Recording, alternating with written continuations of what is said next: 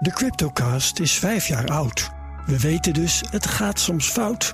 Dat is hier steeds weer voorgekoud. Maar wie zijn crypto altijd houdt, als was het elektronisch goud, dan daar zijn strategie op bouwt.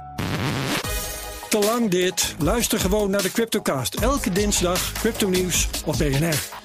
De Cryptocast, voor jong en oud. Cryptocast wordt mede mogelijk gemaakt door Bitfavo, de crypto-exchange van Nederland. The Friday Move wordt mede mogelijk gemaakt door TUI. Discover your smile. BNR Nieuwsradio. The Friday Move. I am announcing today. Ik zal proberen om het kort samen te vatten. Dat er uh, sprake zou zijn van een uh, man uit, uh, uit Arnhem. This confirmation process has become a national disgrace. Wilfred Genee. Het is de week dat de politie een grote terroristische aanslag in ons land voorkomt... en er een appverbod komt voor alles in het verkeer. De Friday Move blijft vanaf Lelystad Stad Airport vandaag... met de beats van onze eigen DJ Thomas Robson.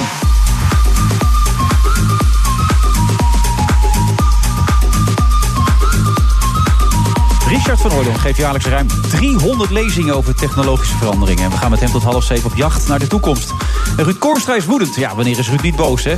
Hij vindt dat het kabinet haar portemonnee moet trekken voor het klimaat. En documentairemaker Marijn Poel schuift aan over critici die hem de mond willen snoeren.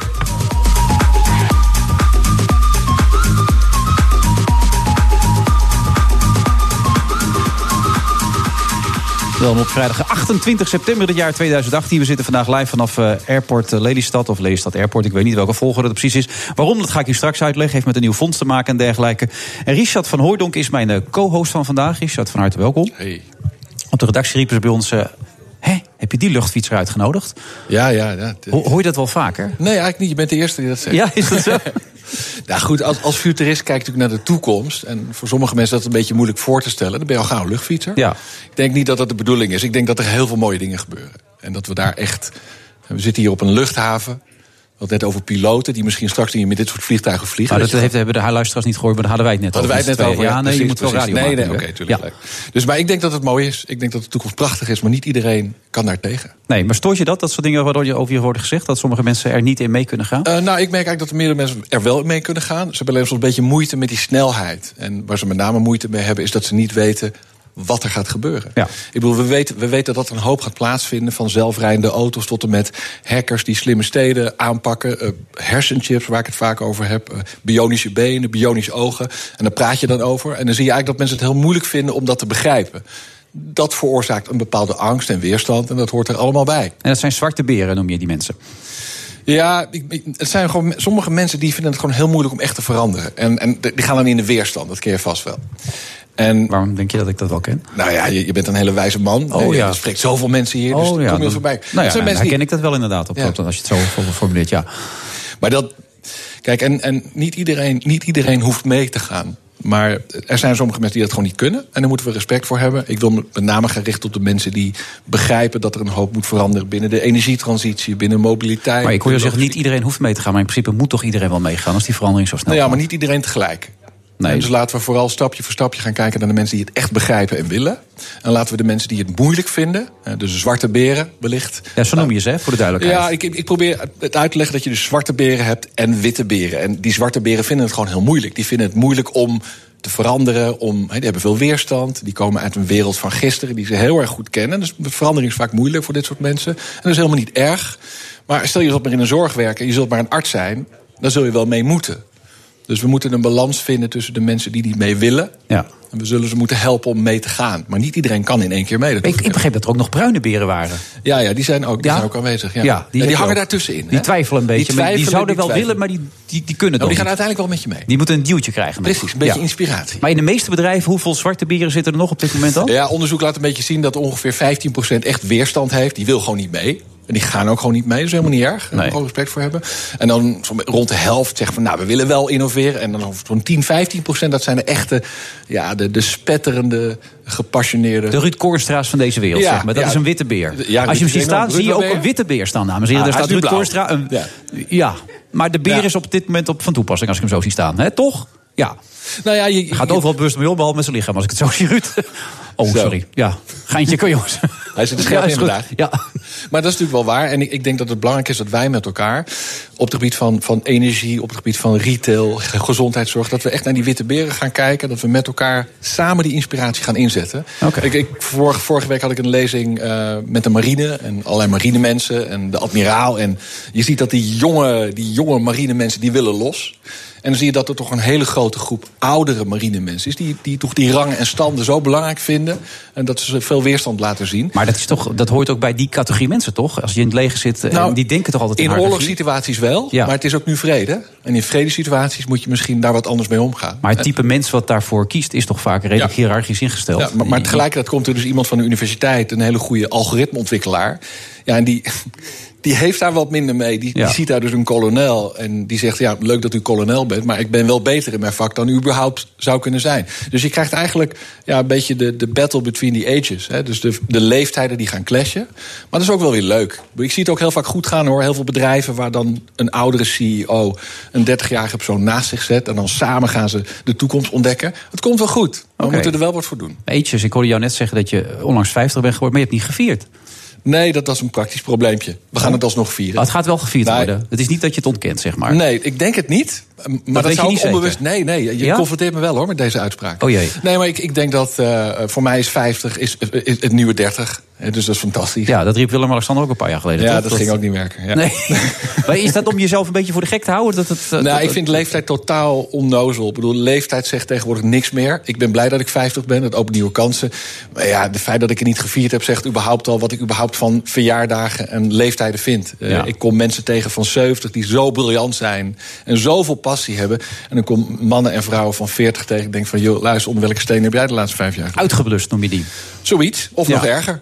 Je had het net even over chips trouwens. Hoeveel chips heb jij nu inmiddels in je lichaam zitten? Ik heb er nu twee. Dus Twee? eentje, ja, ik heb er nu twee in mijn hand. En we zijn nu, eh, dat is een, een, ja, daar gaan mijn deuren mee open en, mijn- en mijn auto en zo. Dat is gewoon leuk. Je raakt altijd je sleutels kwijt of zo. anders. Ja, dus, dus een chip was dan de oplossing. Oké, nee, maar waarom doe je dit? Want je kan er veel meer mee, toch? Ook Ja, ik kan ermee betalen. En, maar, is dit ook al die chip die je lichaam al aanwijst dat allerlei dingen niet functioneren? Dat, Nee, dat de dokter je gelijk gaat bellen dan? Nee, Of- dat, dat ook niet, maar die komt natuurlijk wel aan. Ik ben zelf wel bezig met een heel interessant eh, verhaal. Dat gaat over de hersenchip. Eh, ik ben er namelijk van overtuigd dat wij mensen die ziek zijn in de hersenen... dat we die kunnen helpen. Hm? Hè, Parkinson-patiënten, epilepsie-patiënten. En ik ben nu bezig met zo'n heel spannend project om daar naar te gaan kijken. Want ik denk dat ik hem ook zou willen hebben. Ik wil het gewoon uitproberen. Wil je hem in je hoofd hebben dan, zeg maar? Jij wil Ja, erin nemen? ja, kan ik alle skipjes in mijn hoofd stoppen. Dat is ideaal. Kennis. Ja. Of zo. Meer mensen die graag een chip in hun hoofd willen? Hier? Nou, tot nu toe Iedereen zie ik ja, hier. één dame, die wil een chip in haar hoofd. Ja, maar je Twee zult- zelfs. Nou, Je, je zult maar Parkinson hebben en je zult maar geholpen kunnen worden bijvoorbeeld. nou ja, dat is fantastisch een natuurlijk allemaal. Maar het voelt ook toch een beetje hè, zo futuristisch als jij het allemaal beetje noemt. onwennig, hè? Ja. Ja. Maar je hebt er nooit last van, van het ding. Nee, nee, niet. Eigenlijk niet. Ik ben heel blij mee. Ik ben helemaal één met mijn chipjes. Oké, één met zijn chipjes. Richard van Hooijs dan. Zeker. Iemand is ook aangeschoven, Ruud Korstra. Goed dat je er bent, Ruud. Zometeen na de reclame. Tot zo.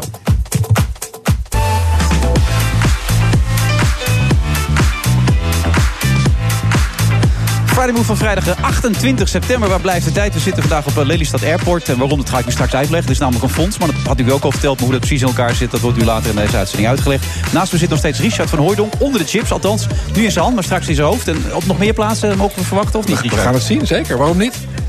Ik dacht aan een bionisch been of Het zijn zo. geen paprika chips, het zijn chips die je eh, Ja. niet kunt eten. En Ruud Korstra is inmiddels ook aangeschoven. Goed dat je erbij bent, Ruud. Over Dankjewel. paprika chips gesproken. Jij wilde nog even reageren op mijn opmerking over het bewust omgaan met je lichaam, toch? Ja, dat is wel belangrijk. Ik, ik, ik, we zijn hier op Lelystad en ik, ik heb hier mijn helikopterpilootopleiding gedaan. Dus dat is hartstikke, ik ben altijd wel weer mooi dat we hier zijn. Maar ik word ieder jaar medisch gekeurd. Ja. En dat is ieder jaar altijd bij mij, mijn hele leven al, het gevecht. Het gevecht van, eh ik sport, ik eet gezond, ik doe al die dingen, maar ik ben eigenlijk gewoon te dik. Hè? Dat is altijd mijn... Dus dan kom je bij zo'n zo'n dokter, wat inmiddels je dochter had kunnen zijn... en die zegt dan, ja, Kornstraat is eigenlijk wel allemaal weer goed. U bent goedgekeurd, maar ik heb toch één puntje. Nou, daar begon jij net ook al mee. Ik oh, dan komt dat kutpunt weer, weet je wel? Ja. Dat, is, dat is dan... En toen zei ze... Nou, Ik maar- subtiel, toch? Ik zei, mevrouw... Ja, tuurlijk, jij bent Ja, altijd subtiel. zo ben ik, weet ja. Ja, Ja. precies. Ehm, maar toen zei ze op een bepaald moment... Nou, Kornstraat, laat ik het dan zo zeggen. Ehm, ik, ga, ik ben de dokter, ik moet het toch zeggen. U bent iets te kort. En ja, als je te kort bent, dus, dus het is, valt eigenlijk wel mee. Het, Ja. is, eh, het is dus, ik ben iets te kort. En dat Oké. is ook bij de benadering van dingen die we, die we, die we hebben. Ehm, maar goed, waar wouden we het over hebben vandaag? Nou ja, witte beren. Je bent wel iemand die, en wat hij net ook al zegt, iemand die de strijd aan wil gaan, voorop Ja. wil gaan in de strijd. En Ja. daarom ben je ook nu ook weer boos op het kabinet. Nou, op Toch? het kabinet, maar ook een beetje op de media. En, en laten we nou met elkaar ophouden dat die energietransitie negatief is. En ik vind het wel leuk om het hier eens te vragen. We hebben het dan over, ja, dat kost heel veel geld. En, uh, en wat is dan de terugverdientijd? Wie is er hier met een auto in de zaal? Wat is de terugverdientijd op uw auto? Oh, die is er niet. Oh, grappig. Wie heeft er hier een energierekening thuis? Ja, allemaal. Wat is de terugverdientijd op uw energierekening vandaag? Oh, die is er niet. Nou, met hetgeen wat we nu gaan doen in de energietransitie, je krijgt het geld terug. Ja. Dus je moet het alleen even investeren. Nou blijkt dat Nederland een van de rijkste landen ter wereld is. We zitten op 2500 miljard, als je het een beetje bij elkaar optelt. Dus we moeten op een slimme manier het geld vrijmaken om de technologieën en de dingen die we nu voorhanden hebben toe te passen, te implementeren. maar er is echt- en dan kost het iets- geen geld, dan levert het geld op. Er hoeft niemand zich zorgen te maken. Eh, Ruud, er is echt iets mis met hoe de overheid hierover praat met de burgers. Hè? Want ik weet dat Oh, jullie hele mooie dingen. zijn. De bedoeling is eigenlijk dat jullie een beetje strijd Nee, dat gaan zijn we niet voeren. helemaal. Dat moet ik dus gaan hij, vindt goed. dat het allemaal Ja. goed gaat en dat de politiek het allemaal begrijpt en dat we rustig moeten zijn, zei hij tegen mij. Ik, ik, denk, dat ik denk dat de krachten enorm zijn en de belangen ook.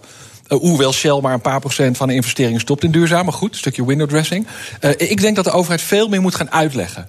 We moeten gaan uitleggen aan de Nederlander waar zijn we mee bezig, hoe pakken we het aan. Want Ja. we begrijpen er helemaal niks van. Ik denk ook een, een deel van de ontevredenheid zit hem volgens mij in dat punt. Nou, we hadden, ik, ben, eh, ik werd energiecommissaris in de opmaat naar de Tweede Kamerverkiezingen. Ik was geïrriteerd dat het niet op de agenda stond. En achteraf was ik blij. Want wat bleek, het was geen politiek issue. Die energietransitie was in de verkiezingen van de Tweede Kamer geen discussie. Dus er kwam een onwijs mooi eh, ambitieus plan uit. Nu, in de opmaat naar eigenlijk de vertrapte, eh, getrapte eh, Eerste Kamerverkiezingen... zie je dat die politieke partijen nu iets gaan zoeken... om het niet met elkaar eens te zijn. Juist. En daar wordt de energietransitie nu het slachtoffer van. Ja, die gaat dit en jaar daar sowieso- baal ik ja. me dus ongelukkig. Hou erover op als je het erover eens bent. Maar je kan over iets waar je eens bent geen campagne voeren. En nu krijg je dus allemaal wijsneuzen. En daar vind ik ook een regeringspartij als het CDA... die echt, die echt een karikatuur maakt van de energietransitie. Buma die de meest flauwekul dingen zegt over een dure Tesla. Ik ben een commissaris bij een taxibedrijf. Die taximensen moeten echt uitrekenen... wat je verdient aan een kilometer. En de taxibedrijf wat op Schiphol de Tesla's heeft rijden... die zegt, we hebben nog nooit zo'n voordelige auto gehad... de afgelopen 300.000 kilometer. Een Tesla is niet duur. Ja, als je hem in de garage zet en er niet mee gaat rijden... maar als je hem gebruikt waarvoor die bedacht is... je moet hem alleen kunnen investeren. Je moet hem kunnen betalen aan de voorkant. Nou, daar moet die regering voor staan. Dat kost dus geen geld, het is een investering. En als ondernemer weten we, een investering kan je heel vaak terugverdienen. Ja. En dat werkt hier dus. Maar er- ontbreekt dus ook politiek leiderschap op dit moment. Nu worden de belangetjes weer onderling, dat wordt de strijd. Als GroenLinks erbij had gezeten, was het anders gegaan, denk je nu? Of? Nou, ik weet het niet. Want als ik, eh, ik, ik spreek Wiebes regelmatig over eh, ook de innovatie. Die ken je goed, die, ken ik goed. Wankele Wiebes stonden vandaag in een krant. Ja, dat vind ik absoluut een flauwekul. Waarom? Het is, het is natuurlijk een gekke man, laten we dat vooropstellen. nee, maar hè. dan is vergeet hij wel wel of niet, of maar niet is- subsidies worden het is- verstrekt, Het is dat- wel dat een van de slimste die wij daar hebben zitten. Ja. Die man... De, de, de, Maar hij vergeet een, een subsidie van 4 miljard, dat las ik Nee, vandaag. nee, nee, joh. Het is echt allemaal framing. Het is flauwekul. De, onze koning zei in de troonrede... we moeten niet te veel met onze rekenmachine eh, eh, het beleid voeren. Laten we dat dan maar wel doen. Hij kan rekenen. En Wiebes snapt technologie. Ik was laatst met hem op stap bij een bedrijfje. Ik heb het hier in mijn hand, een potje. hebt Is een potje in je hand Ja, een potje, ja. de potje met wit poeder. Daar is in Nederland natuurlijk Ja. sowieso goed in. Lijkt op cocaïne, vind je Ja, dit lijkt op cocaïne, maar hier ja. gaan Ja. we veel meer geld aan verdienen. Dit is waterstof in poedervorm. Oké. Dus waterstof is een van de, voor de industrie een van de belangrijkste producten... om als we dat groen, betaalbaar en hendelbaar kunnen toepassen... dan gaat het waanzinnig. Dit is een Nederlands MKB-bedrijfje. H2 Fuel heet het, H2 Fuel. Ik ben geen aandeelhouder, eh, maar een belangrijk Maar dat bedrijf. komt nog, of niet? Nou, het is wel heel interessant. Ja. VDL, nou, VDL gaat er nu een bus op laten rijden. Dus korreltjes, er gaan schepen varen op waterstofkorreltjes. Dat is dus een nieuwe batterij. Dit heeft de energiedichtheid van diesel. Dit, zijn, dit komt dus niet uit de industrie, dit komt van MKB-bedrijven. Dit komt van de vernieuwers in Nederland. Eh, we De, moeten, de witte beren, zo gezegd. Ja, de witte. Ja, de nee, witte- die houden we erin. Ja, het witte, het Dat witte is het. dat klinkt gewoon is helemaal mooi. Dus, Hey, eh, Ruud, wist je dat de luchtmacht nu bezig is met eh F-16 die op biobrandstof vliegen? Ja, dat is bizar. Het is allemaal mooi. Het is, maar binnenkort krijg je natuurlijk. Ik heb laatst met dat hele gewicht wat ik heb in een drone gezeten. Hè, dat gaat dus, in een. Duits, Duitse drone zelfs. Die zit er verder niet mee, toch, hoop ik? Of... Met die drone, eh, dat ging hartstikke goed. Ik kon Nee. hem alleen niet zelf besturen. en, eh, oh, dat is ook tv, hè, een beetje. Maar, Ja. Ja, alles wordt opgenomen, inderdaad, Ja, alles ja. wordt opgenomen. Zelfs die middelvinger kan je op radio horen. Ja. Ehm, maar ehm, eh, daarin zie je dat, dat je dus eh, eh, nu al eh, een paar honderd kilometer kunt vliegen met een drone op een batterij. Als je daar binnenkort dit soort waterstoftoepassingjes hebt, dan kun je dus in een drone die goedkoper is dan een Tesla vandaag al, rij, al van vliegen. Nou, dat, ik vind dat. Eh, er zijn ook mooie passagiersdrones hè? in de Arena gezien een paar maanden geleden. Gewoon een drone waar je maar twee man in kunt zitten. Nou, daar dan ik dus in eentje in. Ik snap wel waarom. Maar, eh, Ja, je maakt ze nu zelf, eh, Ruud. Ik, ik doe het niet meer, hoor. ja, jij zit gewoon in Ja. ik ze dan zelf maar maken. En dan, eh, Maar en toen? Dat vond je mooi. Ja, dat is heel gaaf. Het is gewoon een apparaat, zet je neer en dan vliegt het de lucht in. En het- bijvoorbeeld files, hè? Nou, s morgens uh, stap je in een droontje, het dingetje stijgt op, dat vliegt volledig autonoom naar je werk. Mhm. Zet je daar neer en vervolgens gaat hij jou ophalen of iets anders doen. Ik denk zelf dat die zelfrijdende auto's wel leuk worden, maar die drones die worden heel erg spannend. Ik denk dat we daar veel meer mee kunnen dan we nu denken. Het zijn geen speeldingetjes, het zijn ook geen apparaten die allerlei op dingen vernietigen. Je kunt er echt mee vervoerd worden. Nou, wij gaan, uh, ik heb een zelfrijdende auto. Een heel mooi ding, dat ding doet het gewoon echt zelf. Dus iedereen is ervan overtuigd, ook de auto-industrie, ook BMW Nederland. Uh, alle gewone bedrijven ook. Volvo doet het er ook. Volvo ook, ja, precies. Mijn we gaan gewoon ook al een beetje. Dat betekent als je zelfrijdende auto's hebt, dan kan je gewoon uitrekenen dat het dan voordeliger is om niet zelf een auto te hebben, maar hem te bestellen als je Ja. hem nodig hebt. Dat is een auto met chauffeur, continu tot je beschikking. Dat is in 2030 gewoon het geval. Dan hebben we dus, maar dan kunnen we dus met, ik denk zo'n 75% minder auto's, kunnen we toch vervoerd worden. En dan zitten hier mensen, ja, maar mijn Aston Martin, houden die Aston Martin. Dat is hartstikke leuk voor op zondag als attractie. Maar voor je vervoer, heel veel auto's op een rijtje bumper kleven, elektronisch, is een trein. Hè, dus, dus we kunnen dit soort dingen gewoon allemaal gaan toepassen. Die auto, die elektrische auto, wordt onderdeel van ons energiesysteem. De opslag van je zonnepanelen overdag kan in die auto, kan je s'avonds doordraaien. Het wordt dus het wordt leuk. Die Ja. auto's zijn sneller. Maar, maar wat Richard net ook zegt, moeten die overheid misschien iets meer, meer duidelijkheid gaan geven? Dat daar misschien het probleem ligt dat je dan op een gegeven moment als burger ook meer gaat begrijpen wat het je oplevert, wat dat deze mensen Ja. op gaat leveren, wat het uiteindelijk kost, maar dat de opbrengsten veel groter zijn. Ja, maar zolang politici campagne gaan voeren over dit onderwerp... en dus Kafka-achtige uitspraken gaan doen...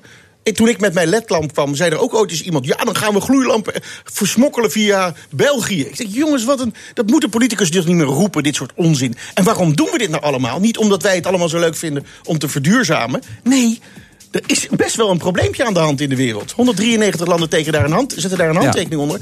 En laten we nou als Nederland niet, zoals we vandaag nog het na vieste jongetje van Europa zijn... maar met al het geld, al het ondernemerschap en al het vernuft wat wij hebben... koploper worden. Ja, want het zijn een van de rijkste landen ter wereld, zeg je ook. En, en, En de meest, en- meest innovatieve. Er is Ja. nergens zoveel universiteiten en, en, en, en slimmigheid op die paar vierkante meter. Alles is twee uur rijden vanaf Lelystad Airport. Ja, hè? Lelystad Airport. Ja, laten we dat doen. Het is maar twee uur rijden Ja, overal vandaan. zo makkelijk is het, dus, hè? Dus ja. dat is één klein landje, een middelgrote stad. Daar kunnen we het verschil maken. Laten we met elkaar nou eens niet tegen elkaar, maar de schouders eronder zetten. En al die MKB'ers aan grote bedrijven koppelen. Al die innovatoren de kans geven om die andere helft, wat nog niet is ingevuld van het klimaatakkoord, ook in te vullen. En dan hebben we dus in 2030 een schone energiehuishouding. Nederland wereldkampioen, de Netherlands first. Maar dan zeggen. moeten we eerst dus die, die Eerste Kamerverkiezingen hebben... en dan hoop je dat het uiteindelijk weer een beetje Nee, serieus- want uiteindelijk gaan ze er niet over. Al die politici willen bij succes horen. Dus het gaat gewoon door. Wat we nu hebben ingezet was heel ingewikkeld. Dat de overheid heeft gedaan, is knap, die tafels. En daar hebben allemaal mensen, ik zit aan die tafels... daar zitten allemaal gemotiveerde mensen... die allemaal een ander belang hebben... snappen dat ze een gezamenlijk doel hebben. We zijn echt al een hele stap. Het is knap wat er gedaan is. Ja. Een van de meest kritische mensen... Maar op nu doorgaan, van- zeg jij. Niet nu talmen en wachten met allemaal dingen die er nu gebeuren. Nee, maar dat gebeurt ook niet. We gaan ook door. Alleen wat er dan even stagneert, er is geen akkoord. Nou, dan Ja. is er geen akkoord, dan gaan we dan even door. Hey Ruud, misschien wel even een bezem door het ambtenaarapparaat. Want politiek kan wel willen, maar vervolgens strandt het bij de ministeries. Hoe zie je dat? Nou, je- is dat, is dat nou, je reframing hebt- of niet? Nou, je Daar hebt begrijp ook- ik er niks van. Nou, je hebt als onderambtenaar heb je enorme eikels. oh ja? En je hebt ook enorme toppers. Het zijn net mensen. Klopt, dus ja, zoek ja. daar je vrienden. Zoek je vrienden. En er zitten natuurlijk ook ingeslapen ge- gasten. Zoveel zwarte beren daar, echt. Ja, te veel zwarte en beren. nee, ik, heb, dat is, ik vind dat onterecht. Daar werken momenteel mensen zich echt helemaal slag in Ja, de ronde. klopt. Om dit te- dus het is, ik vind het onterecht als je nu die ambtenaren die daar nu... Ik ben erbij. Die mensen zijn dag en nacht met hun Ja. passie aan het werk. Maar, maar, maar Ruud, voor dat, is- dat, is een, dat is een heel klein deel. En ik denk dat zij zeg maar, dat kroontje nodig hebben. Maar een heel groot deel zeg maar, zit ook heel erg in de weerstand. Hoe ga je daar zelf mee om? Ja, ik, ik ben een voorvechter. Dus ik vecht tegen het goede en niet Heel tegen goed, het slechte. heel goed. Ja, herkenbaar. En je energie zegt het zeker niet, eh, Ruud. Hè? Die hou je altijd... Nee, eh, wil er nog iemand vechten met de beer? Ja. nou, iedereen schuift gelijk een bitterbal naar binnen, maar denkt, eh, dat gaan we niet doen. Ontzettend bedankt, Ruud. Goed dat je er was. Graag gedaan, En tot de volgende plezier. keer. Ruud. Kornstra, energiecommissaris en nog veel meer natuurlijk. Tot zo, na de reclame. BNR Nieuwsradio. The Friday Move. Dr. Ford. I believed he was going to rape me. Het is een staking rondom hele andere redenen dan wat wij gewend zijn. Dat er eh, sprake zou zijn van een, een man uit, eh, uit Arnhem. Wilfred Geneef. Jildo van der Bijl, Koen Peters en Dion Grauw schrijven nog aan in deze uitzending van de Friday Move. En hij blijft zitten tot half zeven. Daar gaan we tenminste vanuit. Richard van Hooydonk.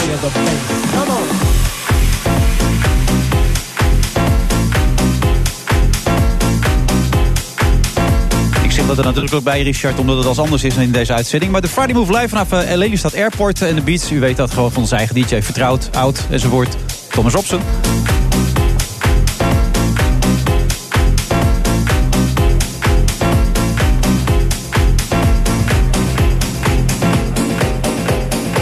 Kunt ook eh, reageren trouwens via BNR Friday Move, Wilfred Gené. Ik neem aan dat je ook nog een Twitter-account, of zit je alleen maar op Instagram? Nee, nee, RV Hooidonk. Ja, Twitter, maar is zo 2016. Dat, dat kan niet meer We gaan eigenlijk, hè? snappen met elkaar. Instagram helemaal goed. Ja. Instagram mag wel nog. Ja, Facebook op zijn retour.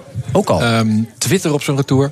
Maar goed, een hoop mensen gebruiken het nog. Dus, eh, maar LinkedIn is wel de bom op dit moment. Dus, eh, LinkedIn, LinkedIn is de bom? Ja, ja voor, voor het zakelijke wereldje wel. Ja, maar ik, Maar- krijg, hoeveel, ik heb dan wel, eh, 1200 verzoeken openstaan, maar ik denk, wat moet ik dan? Heb je zoveel vrienden dan? Dat snap ik ook niet. Maar ik mensen die, die een verbinding mee. Maar ik vergeet ook altijd aan te klikken. Nu dan. maar waar, slaat, waar moet ik ermee? Wat kan Nou ik ja, ermee? nou, het leuke, ik, wij delen heel veel onderzoek via LinkedIn. En ik, ik merk gewoon dat je daar lezingen krijgt, uitnodigingen voor dit soort fantastische programma's. En het is wel zo dat LinkedIn wordt nog heel erg serieus genomen door de meeste mensen. Alleen wat je nu ziet is dat Facebook toch heel erg. ehm, ja, daar gaan, de jongeren gingen daar al weg en nu gaan de ouderen daar weg.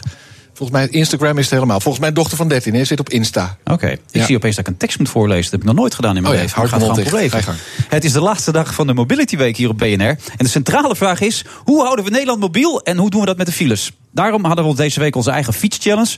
En onze eigen Roos Abelman en vier luisteraars van BNR namen plaats in de auto.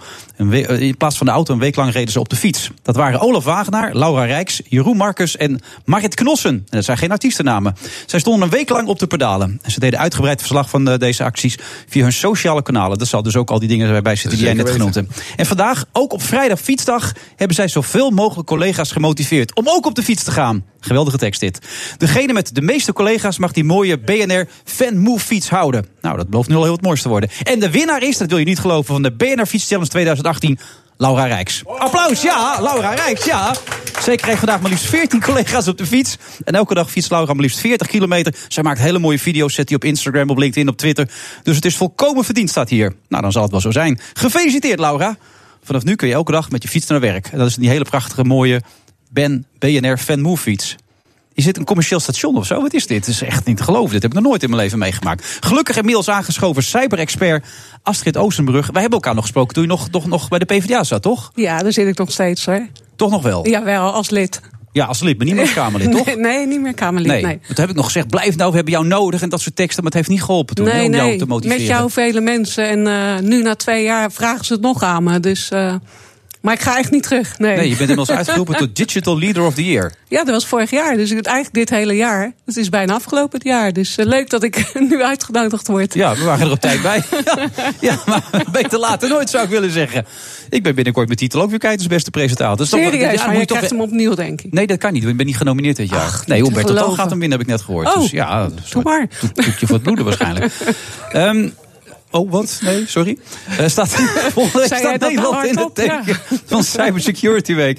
En, en eh, hoe staat het er nu mee? Want toen we er twee jaar geleden over spraken, maakten we ons zorgen. Althans, jij maakte heel veel zorgen. Ja. Maar had het gevoel dat het niet algemeen gedeeld werd, dat gevoel. Nee, nee. Hoe is dat nu? Ja, het gevoel is niet beter geworden. Ik moet zeggen dat de overheid er wel heel goed over nadenkt nu door met een ja, allerlei keurmerken aan te komen draven. Dat is ook heel interessant. Een cyberkeurmerk. Ja. Tegenwoordig is alles cyber, heel spannend. Ja, als je het maar zo noemt, dan denk je dat je ermee bezig bent. ja, en dan denk je ook van nou, als we een cyberkeurmerk aanhangen, dan is het allemaal in orde. Ik geloof daar niet zo in.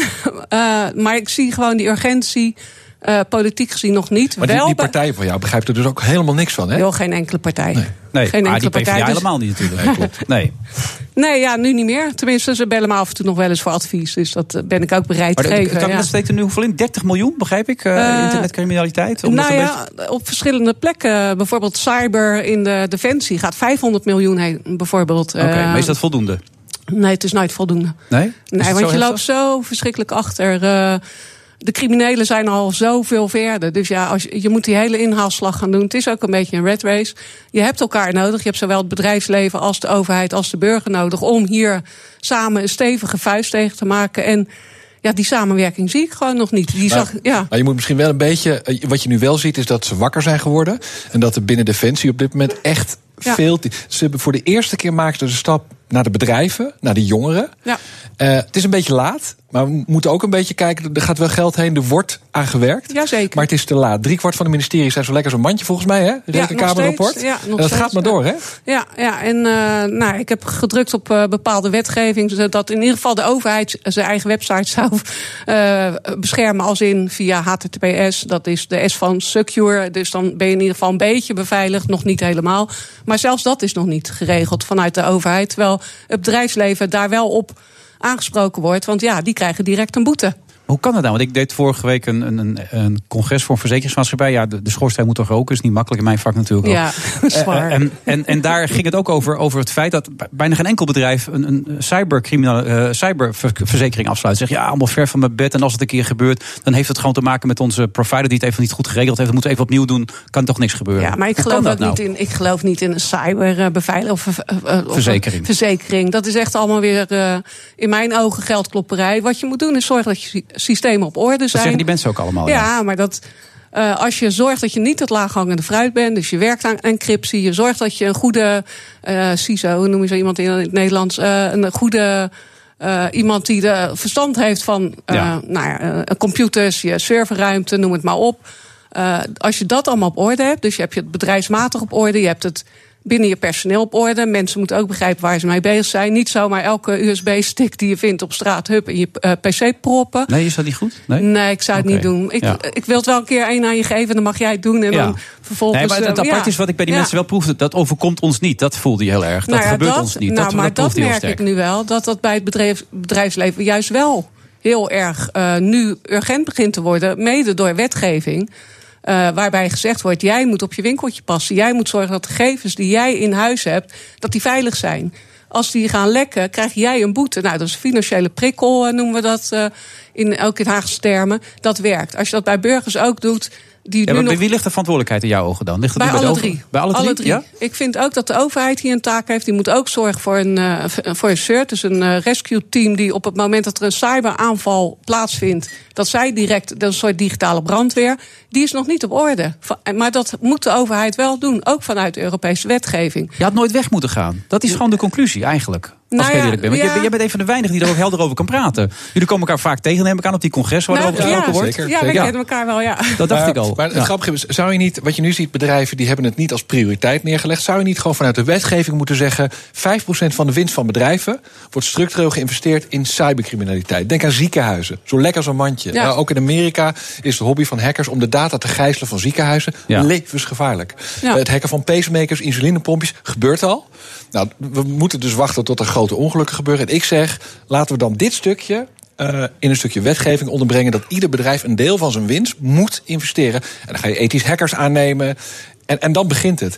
Het is veel te vrijblijvend. Het gaat Ja, niet werken nou zo. Daar ben ik het eh, mee eens inderdaad. Daar hebben we toen ook de wet op de datalekken voor ingevoerd. Hebben we ook gezegd van, nou, niet een boete van 500 euro, 1500. Nee, hup, 10% van je jaaromzet. Dat is een stevige boete. Ja, maar Aleid Wolfsen doet daar niks. Op dit moment pakken Nee. ze de. Ik bedoel, eh, iedereen heeft is, eh, angst aangejaagd en nu is het voorbij. En nu gaan we gewoon weer lekker verder. Ja, maar, eh, wie maakt zich zorgen over deze gebeurtenissen? Cybercriminaliteit enzovoort. Eén iemand maakt zich zorgen. Nou, dat is toch Ja, wel wat in deze ruimte. En er staan toch zo'n 400 man in de zaal, dames en heren. Dus wat dat betreft is het echt minimaal natuurlijk, als je dat hoort. Maar waar maak jij je zorgen over dan? Wat, waar ben je bang voor?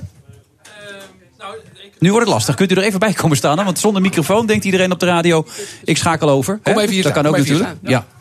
Ma- Mag dit? Ja, nee, alles mag in dit programma. Ja. Eh, nou, de potentiële economische schade die gaat opleveren. En dat, eh, dat is eh, onontdekte schade. Dat zit eigenlijk achter de schermen. Eh, en we hebben het eigenlijk al meegenomen in... en dat is het laaghangende fruit, ik net hoorde zeggen. Eh, het wordt niet det- gedetecteerd. Het wordt gewoon op de achtergrond eh, langzaam gestolen. Die eh, mensen die zijn, die zijn zo geavanceerd, weten al lang... wanneer je niet gedetecteerd wordt. En eh, eigenlijk is het nu al bezig. En niemand doet wat aan. ja. Maar de- waarom verandert het niet, denk je? Want je hoort deze verhalen, hoe ernstig en hoe serieus het is. Waarom denk je dat er zo weinig gebeurt dan?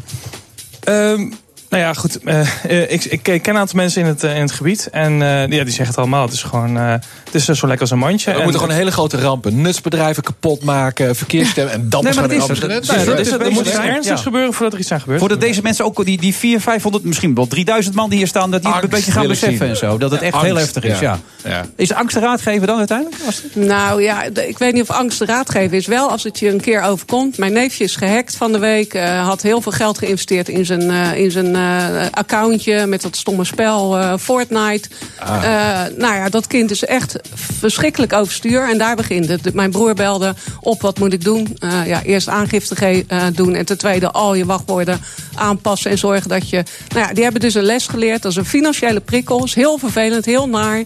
Eh, maar volgens mij is dat de enige manier. Dus Hackertjes vanaf zes jaar, hè? Je begint echt vanaf zes jaar. Ja. Fantastisch, mooi vak. Ja, Ja, Ja, je een vindt het vak. fantastisch mooi Ja. vak. Ja, dat worden ethisch hackers, Ja. die hebben we nodig, die mensen. Ja, als we Nou ze ja, goed je ziet ook de jeugd, ja. die, die wordt, wordt er aangetrokken. Hè. Ik bedoel, het is een feit, eh, als je jong begint, dan uh, je moet nog goed een fout uh, ontdekken. Uh, ik ken ook uh, kinderen van vrienden van mij, die, ja, die komen in contact met dat soort netwerken. En ja, dan is het van, wat voor voorbeeld geven ze? En als ze zien van overheden, et cetera, zo lekker als een mandje, ziet eruit als een soort Nou, de- pushover. De, de nationale politie maakt zich zorgen over dit soort jonge mensen... die via dark web wordt benaderd door criminelen. Jongetje, 500 euro, maak eens even het systeem open. Dat gebeurt nu. Dus kijk goed naar je kinderen wat ze thuis boven doen op Ik, wil, zolder. ik Robin de Bruin ook nog even bedanken. Die gewoon uit het publiek hier kwam. Hè, gewoon in de toekomst Leuk, hè? staan. Ja, dus, Dankjewel. ah, Maar plaat ook even Robin, dames en heren. Ja, doet hij goed. En natuurlijk voor Astrid, Astrid Ozenbrug. Veel succes met alles wat je doet. Dankjewel. En ooit moet je weer terugkeren om de zaak te redden Ja, zeker. Jawel, Astrid. Hè? Als ooit de PvdA weer bestaat. Bestaan die nog eigenlijk of niet? Ja. Wat is PvdA? Ja, dat heb ik geen flauw idee. Astrid, ontzettend bedankt. Graag gedaan. Tot zo.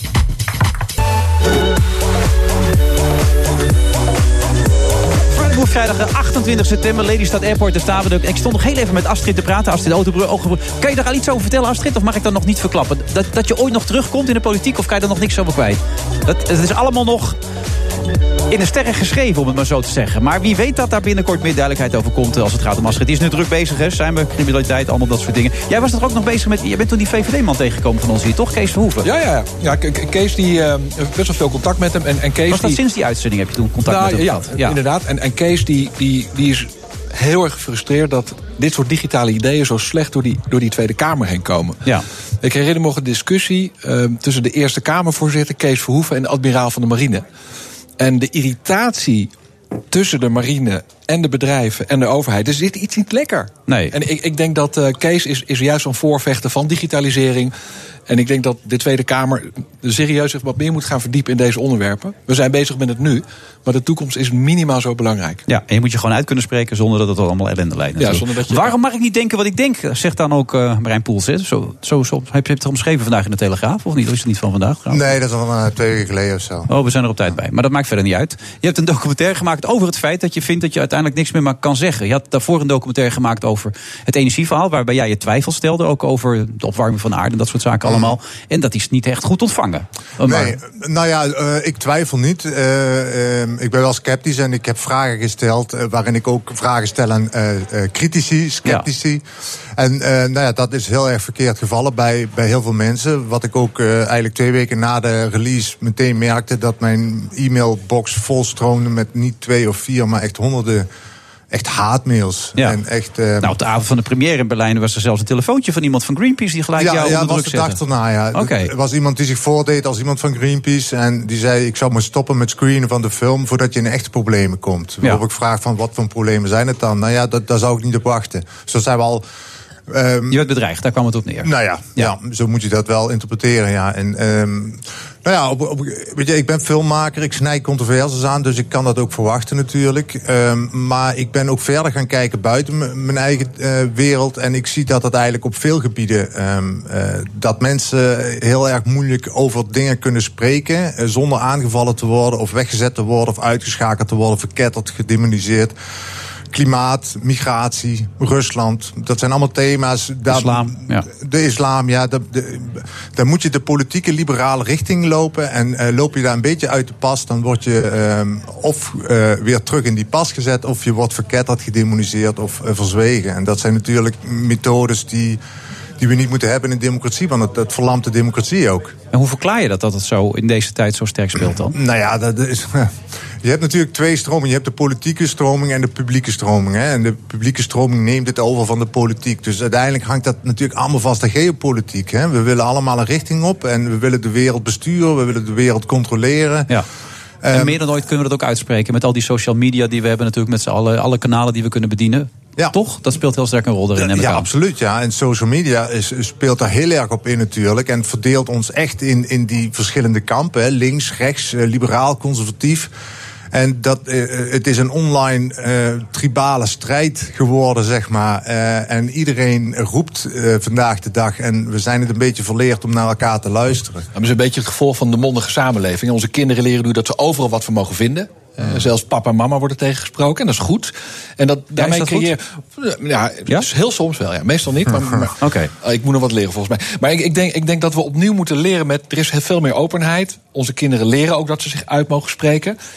De politiek neemt dat over. Hè. Kijk eens aan de, de, de algemene beschouwing. Ik heb er popcorn en champagne bij gepakt. Dat was gewoon echt bijna leuk om te zien. Ja, Alleen, maar we rot niet op en dat soort teksten krijgen we dan. Hè? Dat, dat, dat, dat is het niveau waar we dan Maar op het is wel realiteit. Je ziet ook met name in de maatschappij deze verruwing ontstaan. En wij moeten ons nu gaan afvragen, hoe gaan we hiermee om? En daarom is deze discussie zo leuk. En daarom had de Tweede Kamervoorzitter gewoon moeten ingrijpen. Maar ze wisten ook helemaal niet hoe ze daarmee om moest gaan. En Maar volgens mij is dit dat een is eerder gebeurd. In het verleden is het ook al een paar keer gebeurd. Dus op een gegeven moment weet je toch dat het weer gaat gebeuren. Dan heb je daar toch afspraken Dus over is het gemaakt. blijkbaar geaccepteerd.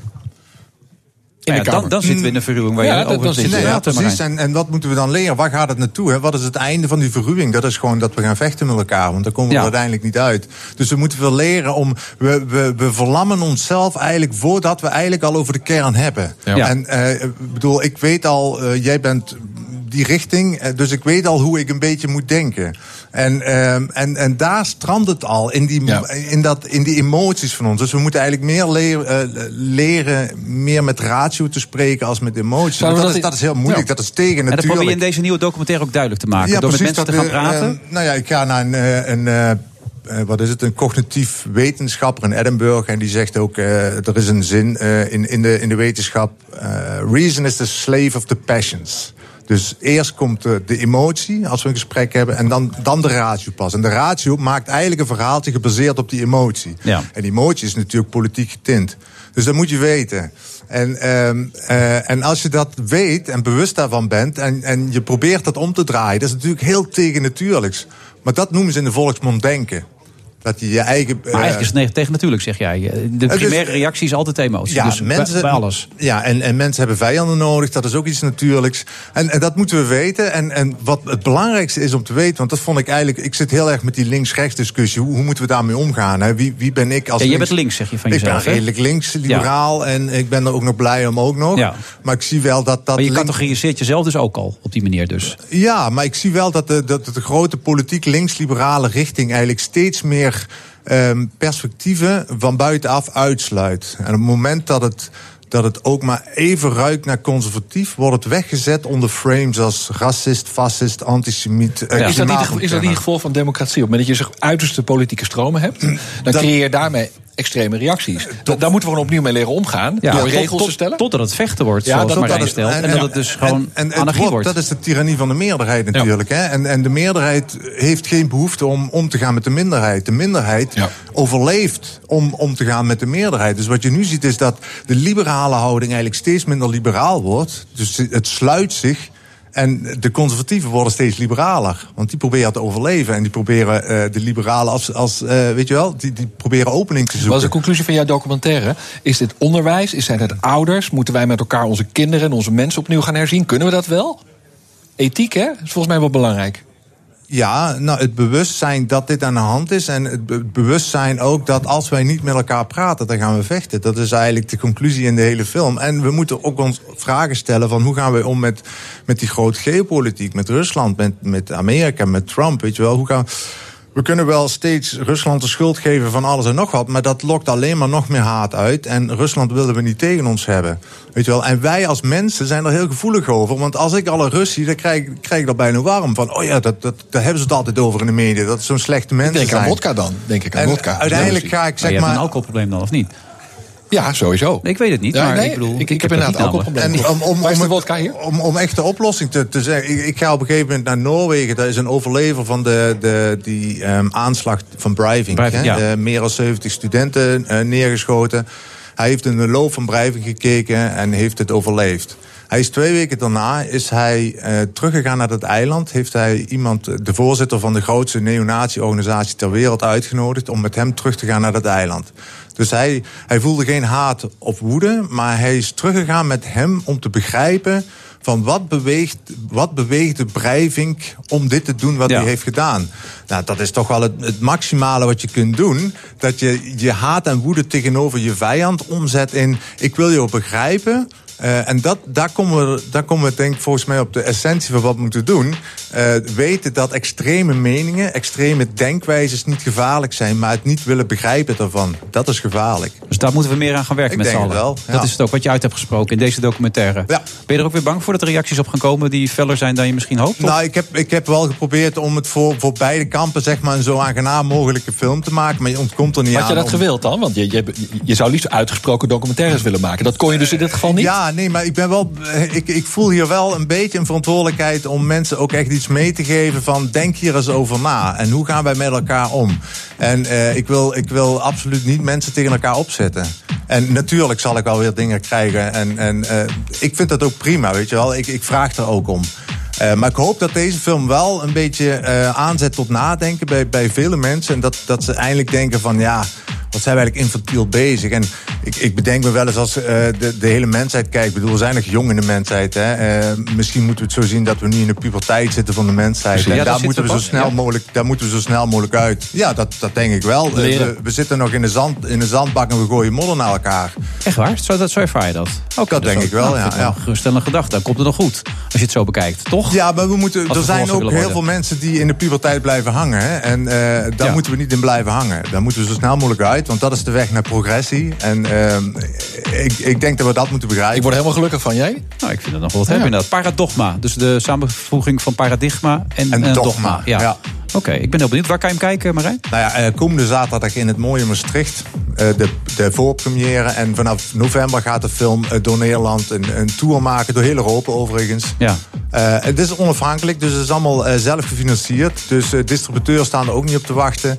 Dus we gaan het onafhankelijk doen. En er zijn nu al best wel veel aanvragen, ook in de Randstad. Dus Nou, knap we gedaan. naar je toe. sowieso. Succes, Martijn, Marijn, daarmee. Heel veel Dank succes. En we komen elkaar vast weer tegen. Don't know where, don't know when. Uh, Richard van zit hier nog even. Tot zo. Zeker. BNR Nieuwsradio.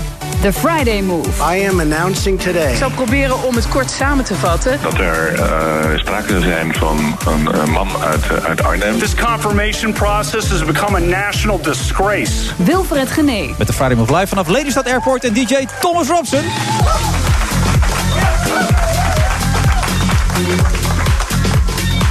Innoveren gaat sneller dan ooit. En daarom implanteerde Richard van Hooydonk verschillende chips in zijn lichaam. En nu is aan het nadenken over een hersenchip. Eh, ja, toch zeker wel. En tot half zeven hij mijn co-host. En het mediamerk Linda blaast 15 kaarsjes uit. En hoofdredacteur Jildo van der Bijl komt dat langs om daar even over te vieren. En 14 bijzondere sporters. Die challengen 14 andere bekende sporters. En wie er precies zijn, wie weet dat we er straks uit krijgen.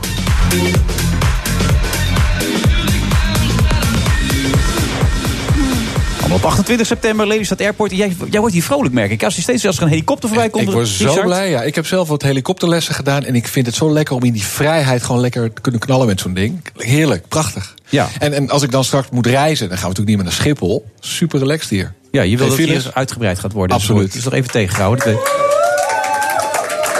Nee, maar het gaat er helemaal nergens over. We willen als Nederland willen we gaan groeien. Dus gaan we het verdelen over Maastricht en andere steden. En natuurlijk, als je hier woont, ga je wat last krijgen. Maar ik woon er zelf in Amstelveen. En ik werd wakker met kerosine iedere ochtend. Laten we het een beetje verdelen. Oké. Ja. Hè, dus eh, ja, prachtig toch hier? Vind je niet? Sifra Dauma zit naast je, Flevolandse zakenvrouw. Herken je dat een beetje? Klopt dat een beetje wat hij zegt? Ja, het is hier echt eh, ja, natuurlijk. Je hebt de ruimte. Eh, als je naar de Randstad wil, je bent er ook in een half uurtje. En als ik bijvoorbeeld ga hardlopen, ik kom lekker niemand tegen. Als ik de, in de auto stap, rijd ik Er gewoon komt in lekker keer... tegen, dat vind je fijn? Ja, dat vind ik heel Oh, fijn. ja.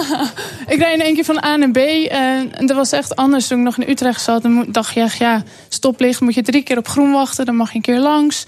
Ja, je kunt hier gewoon eh gassen. Ja, je ligt wel af en toe onder een auto. Is wel weer een beetje afwisseling, toch? In Lelystad? Of, eh? Nee, in Utrecht? Eh, ja, nou ja. Beetje ik- spanningssensatie. ja, nou als je spanning wil, kan je ook eh, goed je gang gaan hoor. Neem je vlieglessen bijvoorbeeld. Sifra, dat betrekt de schoonheid, heb ik begrepen. Ja, dank je. Nou, prachtig natuurlijk, hè, dat Ja. het zo heet. Maar waarom zijn al deze mensen hier eigenlijk? Wat is er precies voor u gebeurd vandaag? Er is vandaag een eh, fonds geopend eh, vanuit Fle- Flevoland. Eh, als ondernemer heb ik daar ook al gebruik van gemaakt. Als je groeiplannen hebt, dan kun je hier aanspraak maken op subsidie. Natuurlijk even goed beargumenteren. Eh, maar voor Ukje.nl wil ik, eh, heb ik als doelstelling elk jaar mijn omzet te verdubbelen. Mijn omzet staat nu op 7 miljoen, begrijp ik toch? Dat was Ali B, maar mijn omzet gaat dit jaar over de 1 miljoen heen. Oh, ik heb staan omzet 7 miljoen. Maar Nee, nee, daar heb je Ali B heeft in. 7 miljoen, ja? Nee, Ali B zei van hij heeft 7 en wij gaan 1 doen dit jaar. En mijn doel is om de komende jaren meer landen te openen. Dus Ukkie.de heeft van de zomer het licht En Frankrijk en de Je Noorden. zit schaamteloos reclame te maken, dat heb je wel door natuurlijk. Hè? Maar ga gewoon door. Ja, dat ik ben kan ondernemer, zender. dat hoort er allemaal nee, bij, dat hoort er absoluut bij inderdaad. Ja, dat zou bij de Linda niet kunnen dit, maar in dit programma kan het gewoon wel. Ja, Ja, heel dat begint ook al te lachen. Maar, valt dat in Frankrijk? Ukje.fr?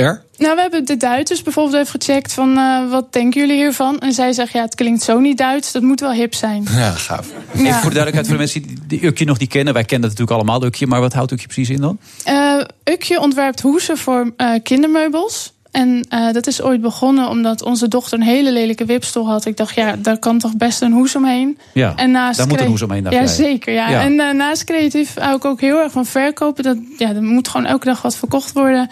Eh, dus ik had hem op Marktplaats gezet. En eh, dat was hoes 1. En inmiddels eh, gaan er 5000 per maand door de bus bij de mensen. Dus Oké. En wat heb je dan moeten zeggen hier om die subsidie te krijgen? Wat was jouw argumentatie dan? Groei. Ja, zo ben ik eigenlijk ook Flevolandse zaakvrouw geworden. Mijn ambitie is echt groei. En ehm, eh, ik heb een CFO ingehuurd voor één dag om mee te denken over de strategie. En daarvan krijg je dan eh, ja, de helft voor goed. Ja, en ik begrijp dat BNR hier ook nog een rol in gespeeld heeft. Eh, Klopt dat? Eh, ja, Zit ik dat goed? Ja? nee, dat klopt. Toen ik net begon, deed ik het naaiwerk zelf, dus de productie. En de hele dag stond er aan BNR. Ik heb toen ook John Verschagen een keer gevraagd: joh, mag ik komen pitchen? Maar dat kon toen niet. Behalve een keer als je heel groot geworden bent. Nou, pitchen is niet meer nodig. Nee, het gaat nu ben zo ik. goed. Ja. Die is John van Schaag trouwens, dat heb ik even gelezen. Weet je dat niet meer? Nee, wie is dat dan? Oh. Ja? Kan niemand mij vertellen? Ah, dat is een oud collega van je. Die werkte in dat zo? 2012 bij Oh, BNR. Oké, nee, ik, ik, ik heb niet zo heel Ik heb veel het even nagezocht contact met mijn, met mijn collega's. Ik ken hem ook van niet, het hoor. Ik ken alleen Nee? jou. Nee. Ja, ik ken, er werk, werk, werken nog meer mensen bij die zender dan. Nee, zonder gekheid. Ik ken ze ook niet allemaal. Nee, maar het was echt. eh, een, eh, al die gesprekken met andere ondernemers heeft me echt geïnspireerd om door te gaan. En daar heb ik ook echt veel van geleerd. Dus dan tijdens het werken kun je gewoon bijleren. Maar wat heb je geleerd bijvoorbeeld dan? Noem eens een wijze les. Die Eh, we met dat je moet nemen. investeren tegen de meut in. Dus dat betekent dat je. eh, iedereen zei toen bijvoorbeeld. eh, je moet meteen in de retail gaan verkopen. En, en op BNR hoorde je cut out the middleman. Dus ik dacht, nou dan gaan we business to consumer. Oké, de weg naar succes is langer. Maar ik heb nu een merk. Ik heb geen retail meer nodig. Wij hebben nu direct contact met de eh, eindklant. Ja, dat is hartstikke. Dus je verdient gewoon meer geld. Je marges worden hoger. mijn marges worden hoger, maar het is ook leuker. Dus wij krijgen meteen reactie van ouders van ja, we vinden het niks. Of we, wil- heb, heb je iets met stippen of zo. Ehm, dat geeft ons veel meer energie. Maar met ja, hoeveel mensen werk je nu dan? in We zijn Je met hebt- z'n vieren Met z'n vieren. Ja, Met een, en- een CFO voor een dag dus, begrijp ik. Ja, en Ja. eh, ik zoek nog een ontwerper en iemand die eh, native Frans eh, is. Is, dat, is dat info.ukje.nl? dan? ja, zeker. Ja, heel graag. Ja. Jij zit er goed in, Richard, hè? Ja, een beetje. Heb je ook hoes over je kindermeubels en zo? Of Soms niet? over mijn hoofd. Ja? Ja. Oké. Ze maken ze allemaal zelf vandaag. Ik hoef het niet te doen. Nou, ontzettend veel succes daarmee dan. Ik hoop, Ja. eh, Sifra, dat het een wereldsucces wordt. Maar dat is het eigenlijk al een beetje. Ja, ik dankjewel. Mag ik hè? nog wat zeggen over Flevoland? Oh, Ja, nog? ja, dat moet je doen. Hè. De mensen staan je allemaal prima aan te kijken. Ja, nou, roep je luisteraars. Ja, je komt niemand tegen hier. Nee, dat ik we- heb nooit voetbal gezeten, maar daar leer je als eerst niet op een kluitje spelen. Dus mensen in de Randstad, kom uit het kluitje. Kijk 30 kilometer verder, daar heb je Flevoland en overweeg het gewoon eens. Heb je die files hier gezien? Ja, ga eens op Funda kijken vanavond, wat een huis kost. Je lach je echt helemaal Maar heb je die files hier kapot. gezien? En er wordt een A6 verbreed volgens mij met 30% Ik ben overtuigd. Ja? Dus het is wel goed hier in deze omgeving op indruk. Sief Gadouw, maar geef een hartelijk applaus. Dat heeft ze goed gedaan. Hè? Ja. ja, die staat er goed op de rest van de tijd. Die gaat nog op een tijdje netwerken. Daar krijgt een paard hik van zometeen. En ook hierna nog Hildo van der Buil. Tot zo.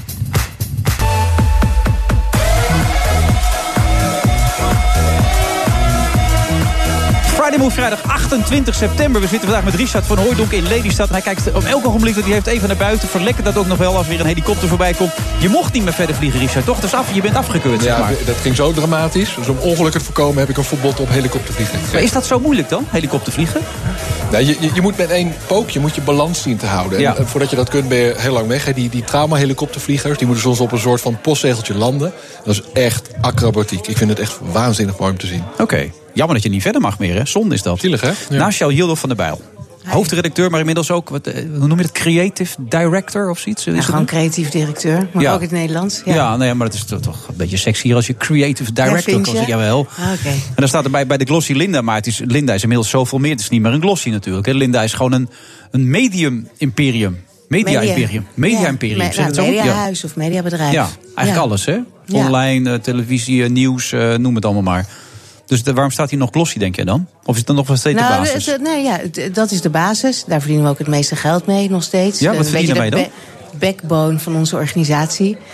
Nou, Maar wat best, levert dat ongeveer op? veel. eh, Ja, we zijn een business Nee, in radio, ja, ik hè? weet het. Nou, over winstcijfers doen we geen uitspraken. Waarom we zijn niet dan? er- nou, omdat we ook een beursgenoteerd... We behoren tot een beursgenoteerd bedrijf. Hè. Sadoma is onze grote Oh. aandeelhouder. Oké. Begrijp ik het wel. Ja. Maar ehm, eh, nee, het is, het is inmiddels eh, ja, het is een merk eigenlijk. Een, het, leukste, het leukste mediamerk voor vrouwen, zeggen we wel eens. Ja. Eh, Ik begreep, want ik zat toevallig bij de broer van Linda van de week... dat het na eh, de Libelle en de Margriet het beste blad is, geloof ik, toch? In Nederland. En dat hangt vanaf hoe je goed of best omschrijft. Oh, de meeste dan, dat- oplagen, qua Oh dan. ja. Nee, ik denk dat het het grootste vrouwenmaandblad is. Eh, van Nederland. En Ja. de Libelle is inderdaad groot. Dat, is een weekblad. Ja, dat scheelt dan nog. Ja. Dus eh, Maandblad is het de grootste. Nou heb ik hier de nieuwe Linda voor me liggen... met allemaal heren met een blonde pruik op. En ik moet namens René van der Gijp zeggen dat hij uitermate ontstemd is... dat hij er niet bij staat. Nee. Wat is de reden ervan dat René niet mee is genomen op deze Nou, voorpagina? Volgens mij ten eerste omdat René niet de beste vriend is van Linda de Mol. Nou, dus dat lijkt me... nee, is daar niet veel tussen die twee? Oh, oké. Ik dacht het niet. Oh, jammer. Nee, maar ik snap wel dat eh, René een beetje ontstemd was. Ik denk alleen dat René niet goed het eh, verschil begrijpt tussen eh, een grap maken of iemand kwetsen. Ja, jij vond het kwetsen? Ja, ik vond het zeker kwetsend. Waarom? Ja. Nou ja, ik vind dat je op dat moment niet... ja, hij maakte echt iemand belachelijk. Dat is wat wij niet doen. Ja, dat zullen jullie ook nooit doen, hè? dat randje opzoeken wat wij wel doen. Nou, dat is niet een hele op die manier. keuze. Ja, vind ik ook niet nodig. We Nee. zoeken wel randen op, maar niet op een kwetsende manier. Ja, jij vond het echt kwets. Ja, daar kun je over gaan discussiëren. Ja, ik weet nou, dat we dat, dus dit misschien punt moeten gaan ja. doen, inderdaad. Want humor is natuurlijk heel relatief en heel subjectief met name ook. Ik denk dat dit niet bedoeld was om te kwetsen. Het was meer bedoeld om te relativeren omdat er zoveel ophef over was. Maar goed, dat maakt verder ook niet zo heel veel uit. In die, in die 15 jaar is op een gegeven moment een aantal mensen nogal overspannen geraakt. Las ik ook in een interview met jou. Want het is op een gegeven moment wat, werd de druk te hoog. De perfectionisten Nou, bij elkaar. ja, Het was, klopt. het was te zwaar geworden. Hoe, nou, hoe wij- dat? nee, wij- ik denk dat het was een combinatie van een heleboel dingen. Maar we groeiden eigenlijk wel heel snel. En we hadden eh, Linda Nieuws gelanceerd. Dat ging hartstikke goed. Het werd ook eigenlijk meteen wel heel groot. Eh, toen deden we Linda TV. En toen kwam Linda het bureau. Eigenlijk het eh, reclamebureau van de makers van Linda. En ja, we hadden de smaak te pakken. Ja. van, van groeien en groter worden. En, maar eigenlijk alles wat we deden wilden we ook steeds heel perfect doen of goed doen. En ehm, het zat ook wel in onze cultuur om voor die team te gaan. Of voor die team met dat plaatje. En als je op een gegeven moment groter wordt, kan dat niet altijd Maar toen allemaal hebben jullie meer. een plateaujaar ingevoerd. Een plateaujaar? Ja, grappig hè? Fantastische test. Ja, nou ja, moet je dat was aanspreken, een, dit, was een, ja, ik Plateaujaar. ben benieuwd wat jij ervan vindt. Maar het was eigenlijk. Kun kun je me Eh, uitleggen, wat is een plateaujaar? nou, even dat misschien was- een beetje door. maar- Stabiliseren, Nee, even... Ja, eigenlijk even pas op de plaats. En even, kijken naar, even naar binnen kijken naar je organisatie. En of je, allemaal nog, of je nog wel goed Of het product nog georganiseerd- klopt, of het nog- ja, de je nog juist zo eh, georganiseerd bent als Maar eh, nodig is. Maar wat ik me afvraag, hè, als je kijkt naar de inkomsten uit print, die dalen dramatisch. Ja. Bij jullie alleen niet? Of ook wel? Je ziet daar toch drama de meeste Nou ja, niet tijdschriften... dramatisch, maar wij, wij, wij zijn eigenlijk nu aan het stabiliseren. Het lijkt wel alsof wij nu... eh, er zijn mensen kopen gewoon minder bladen. Ja. En je eh, ziet ook dat als mensen zeggen van... nou, koop je minder bladen dan vroeger. Ja, want ik zit, als ik eh, ontspanning zoek... dan zit ik eerder op... eh, Op de app Netflix- of ga browsen. Ja, of ik ga een Netflix-serie kijken. Dus we hebben eigenlijk daar wel echt concurrentie van. Het is gewoon een tijdfactor. En... ehm, eh, dus onze printinkomsten zijn nog eh Ja, heel maar, je bent mooi. multimediaal, dus je haalt geld uit het internet, uit de nieuwsbrieven, uit televisie. Ook maar een afvraag, hoeveel procent van de mannen leest Linda? Daar ben ik zo nieuwsgierig naar. Ik bedoel, het is natuurlijk een damesblad, maar Ja, we hebben, nou, hebben we ehm, onderzoek naar gedaan? Ja, we Ja. weten dat eh, ongeveer 300.000 mannen in Nederland zijn die maandelijks Linda lezen. Maar dan die Ja, lezen van mee in de 1,2. wachtkamer en zo, en zo Wat toch? Of in de wachtkamer en zo, of niet? Meelezen, we hebben een bereik van 1,2 miljoen mensen iedere maand het, eh, het blad zien. En daarvan zijn er 300.000 man. Maar die, landen, die mannen lezen dus gedwongen mee. Dus vrouwen die zeggen, moeten. ja, Ik moet je ook zeggen, ik vind het best lekker om te lezen. het altijd. is een mooie, wachtkamer mooie zit, fotografie. pak ik hem er Nee, dat bij. natuurlijk. Nee, maakt helemaal niet uit. Ja. Maar omdat print ook een beetje te tanen is, althans die bij jullie stabiliseert, dan is ook altijd andere bedacht, toch? Met, die, met al die tuurlijk. Nou, op een gegeven multimediale... moment, Ja. ja. die mogelijkheden zijn er ook. Het is natuurlijk te gek dat je op ook een heleboel andere manieren je consumenten Dat je- kan bereiken. Ja, Dus, eh, dat je artikel schrijft, een video erbij, dat je dat helemaal rondmaakt. Dat willen ja, adverteerders dat, het is, ja, dat de discussies verder gaan eh, eh, online. Dus je hebt Ja. eigenlijk op steeds verschillende manieren, verschillende platformen bereik je diezelfde consument. En soms ook weer nieuwe en andere consumenten. Ja, maar jullie onderzoeken alles. Jullie hebben dus ook met coaches gewerkt... om die mensen die een beetje overspannen waren... weer een beetje op de rit Ja. te helpen. Jullie hebben je Ja. eigen managementstructuur tegen het licht aangehouden. absoluut. Hoe, Ja, is die, hoe is die veranderd? Hoe doen jullie het nu anders dan? Nou, ik denk dat we transparant, transparanter zijn in communiceren. Ik denk, we waren- Transparanter communiceren, Ja, wat Dit is er eentje. ja, Ja, dit is er eentje. Zo hé. Dat doe, jij, doe jij dat ook, of niet? Ik, ik ben zo Nee, transparant in communiceren. Ja, nee, we eh, waar nou, zou je transparant over moeten zijn dan? Ja, het, is een beetje... eh, Het, klinkt een beetje vaag. Ja, maar dat, is, dat was het helemaal niet. Maar wij vergaten nog wel eens eh, mensen te vertellen waar we mee bezig waren. Oh, En dat heeft ook weer te maken met dat je groter groeit. Ja. Als je eerst met een clubje bent van, eh, eh, van 10... en eh, op een gegeven moment met een club van eh, 60 of van 100... dan eh, ja, Ja, zo verschillende dingen. afdelingen. Maar dan, nu, stuur je, nu stuur je ook mailtjes waarin staat huiswerk voor maandag. Nee, dat doen we niet. Nee, Wij- staat wij- dat- Er zitten allemaal hele slimme, vooral vrouwen... die heel precies weten wat ze zelf moeten doen. Hey, hebben jullie ook jonge, eh, gekke, jonge gasten aan boord? Heel erg, Ja, veel. hoe zit dat met de leeftijd, Belinda? Ik bedoel, qua, qua, nou, wij qua hebben, ik heb het laatste uitgerekend, want ik was zelf heel nieuwsgierig. Ja. En eh, volgens mij is onze gemiddelde leeftijd eh, iets van 34 of zo. Gemiddelde le- 35. Gemiddelde lezerleeftijd is misschien wel 50. Klopt dat? Ja, we hebben ook dus heel veel jonge mensen die vooral online werken. Daar Ja. is onze doelgroep ook iets jonger. En ik denk dat de gemiddelde... Ik weet niet precies wat de gemiddelde leeftijd is van onze lezers... maar we mikken natuurlijk op een doelgroep tussen de Maar die jonge gekke 20 mensen en heb je ook 50. nodig. Want dat heeft hij het ook over de disruptors Absoluut. van deze ja, wereld. die heb je ook nodig. Maar Ja. dat, en dat is ook alleen maar heel erg leuk. En er zitten ook En dat- mensen daar- die allemaal dingen heel kunnen die wij... transparant mee dan ook. Heel transparant ben ik daarmee Ja. de hele dag aan het communiceren. Ja. Ja. Eh, eh, heb jij ook een 25-jarige eh, creatief directeur naast je? Dat heet reverse mentoring, is heel hip.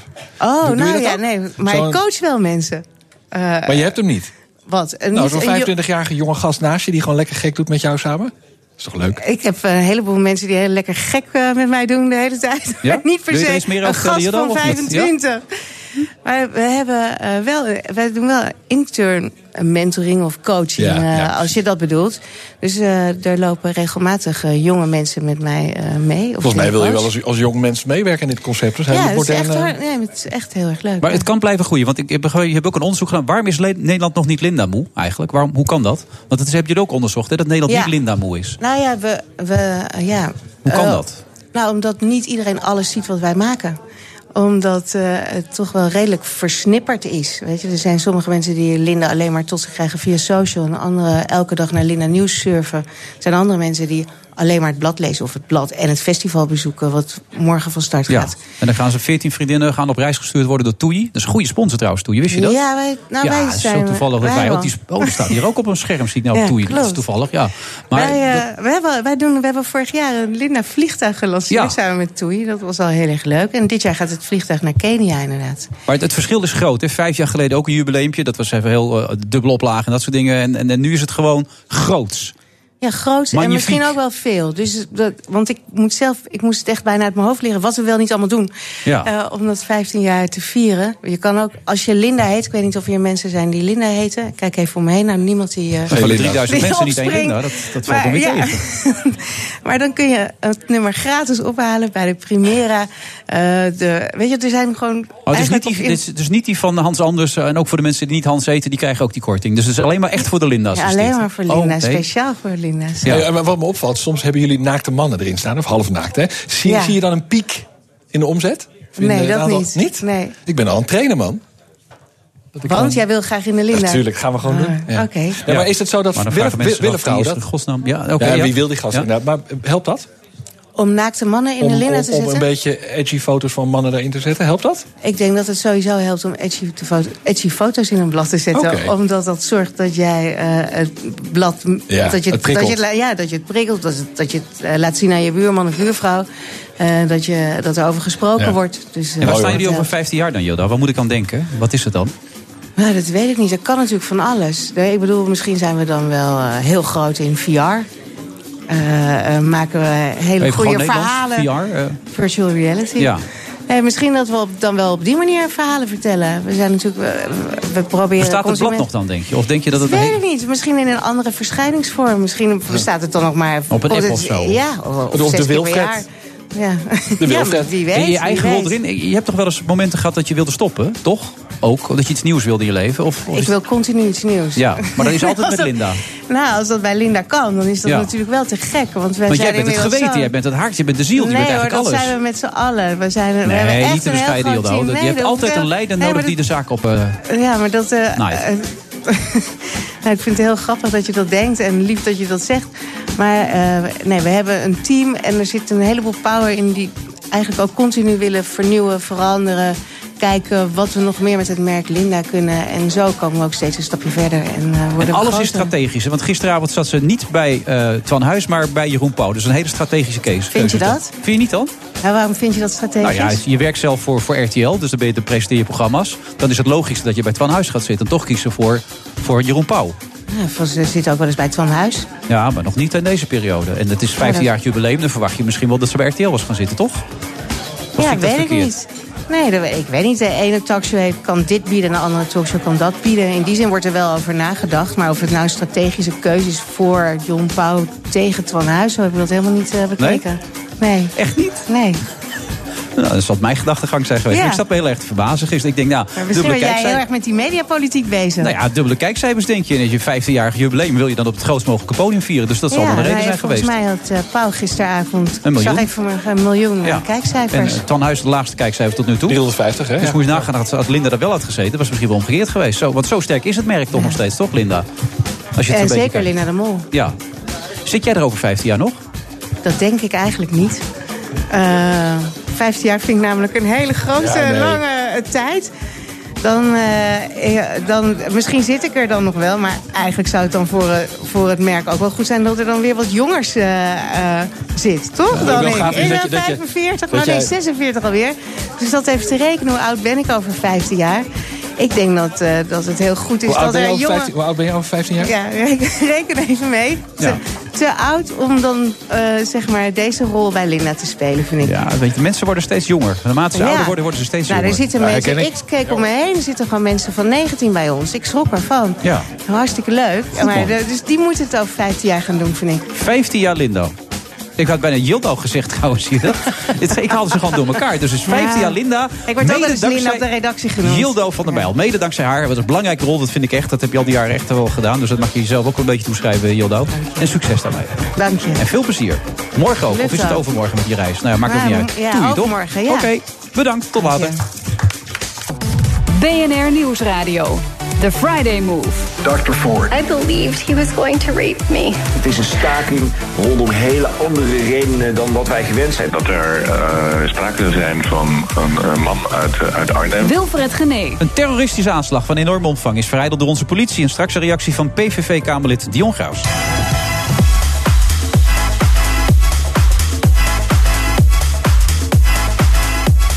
Maar dat allemaal vanaf eh, Lelyport Airp- Lelystad Airport. Daar ging iemand doorheen zingen. Dat komt bijna nooit voor, eh, DJ Thomas Opsen. Het is gewoon even winnen voor mij. Maar Lelystad Airport, daar zitten wij. Met de beats van onze eigen DJ Thomas Opsen. En ook inmiddels aangeschoven. Hij zit er echt inderdaad, Laurens. Laurens boven, daar is hij.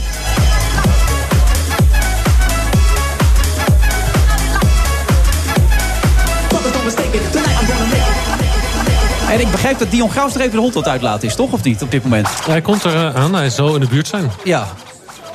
Ja? Ja. Je hebt er verder niks over te melden? Nee, nee, eh, nee, nee. Hij komt niet zoveel meer in de media, geeft hij zelf aan... omdat hij te vindt dat er veel oppervlakkige discussies worden gevoerd... al die mensen die zogenaamd voor de bühne allerlei dingen willen vertellen. Gebeurt dat te veel op dit moment? Niet bij BNR. Nee, maar op al die andere podia vind je van wel? Ik vind het wel leuk dat we een PVV hebben zometeen. Want die hebben we inderdaad heel weinig. Als je het nou hebt over mensen die zich nauwelijks mengen in het publiek debat, zo bij de media, dan, dan eh, vind ik dat wel eh, voor de PVV'ers eh, waar. Ja, zojuist staat hier ook eh, Ruud Kornstra en die sprak over... toevallig zei ik, vandaag stond in de krant Wankelen Wiebes... die nog wel eens de verhalen door elkaar wil halen met subsidies enzovoort. Daar werd hij heel boos over. Hij zegt Wiebes is een van de allerbeste, een van de slimste... is hartstikke goed bezig. Onderschrijf jij dat? Hij is heel goed, hij is heel slim. Ehm, dat met die cijfers.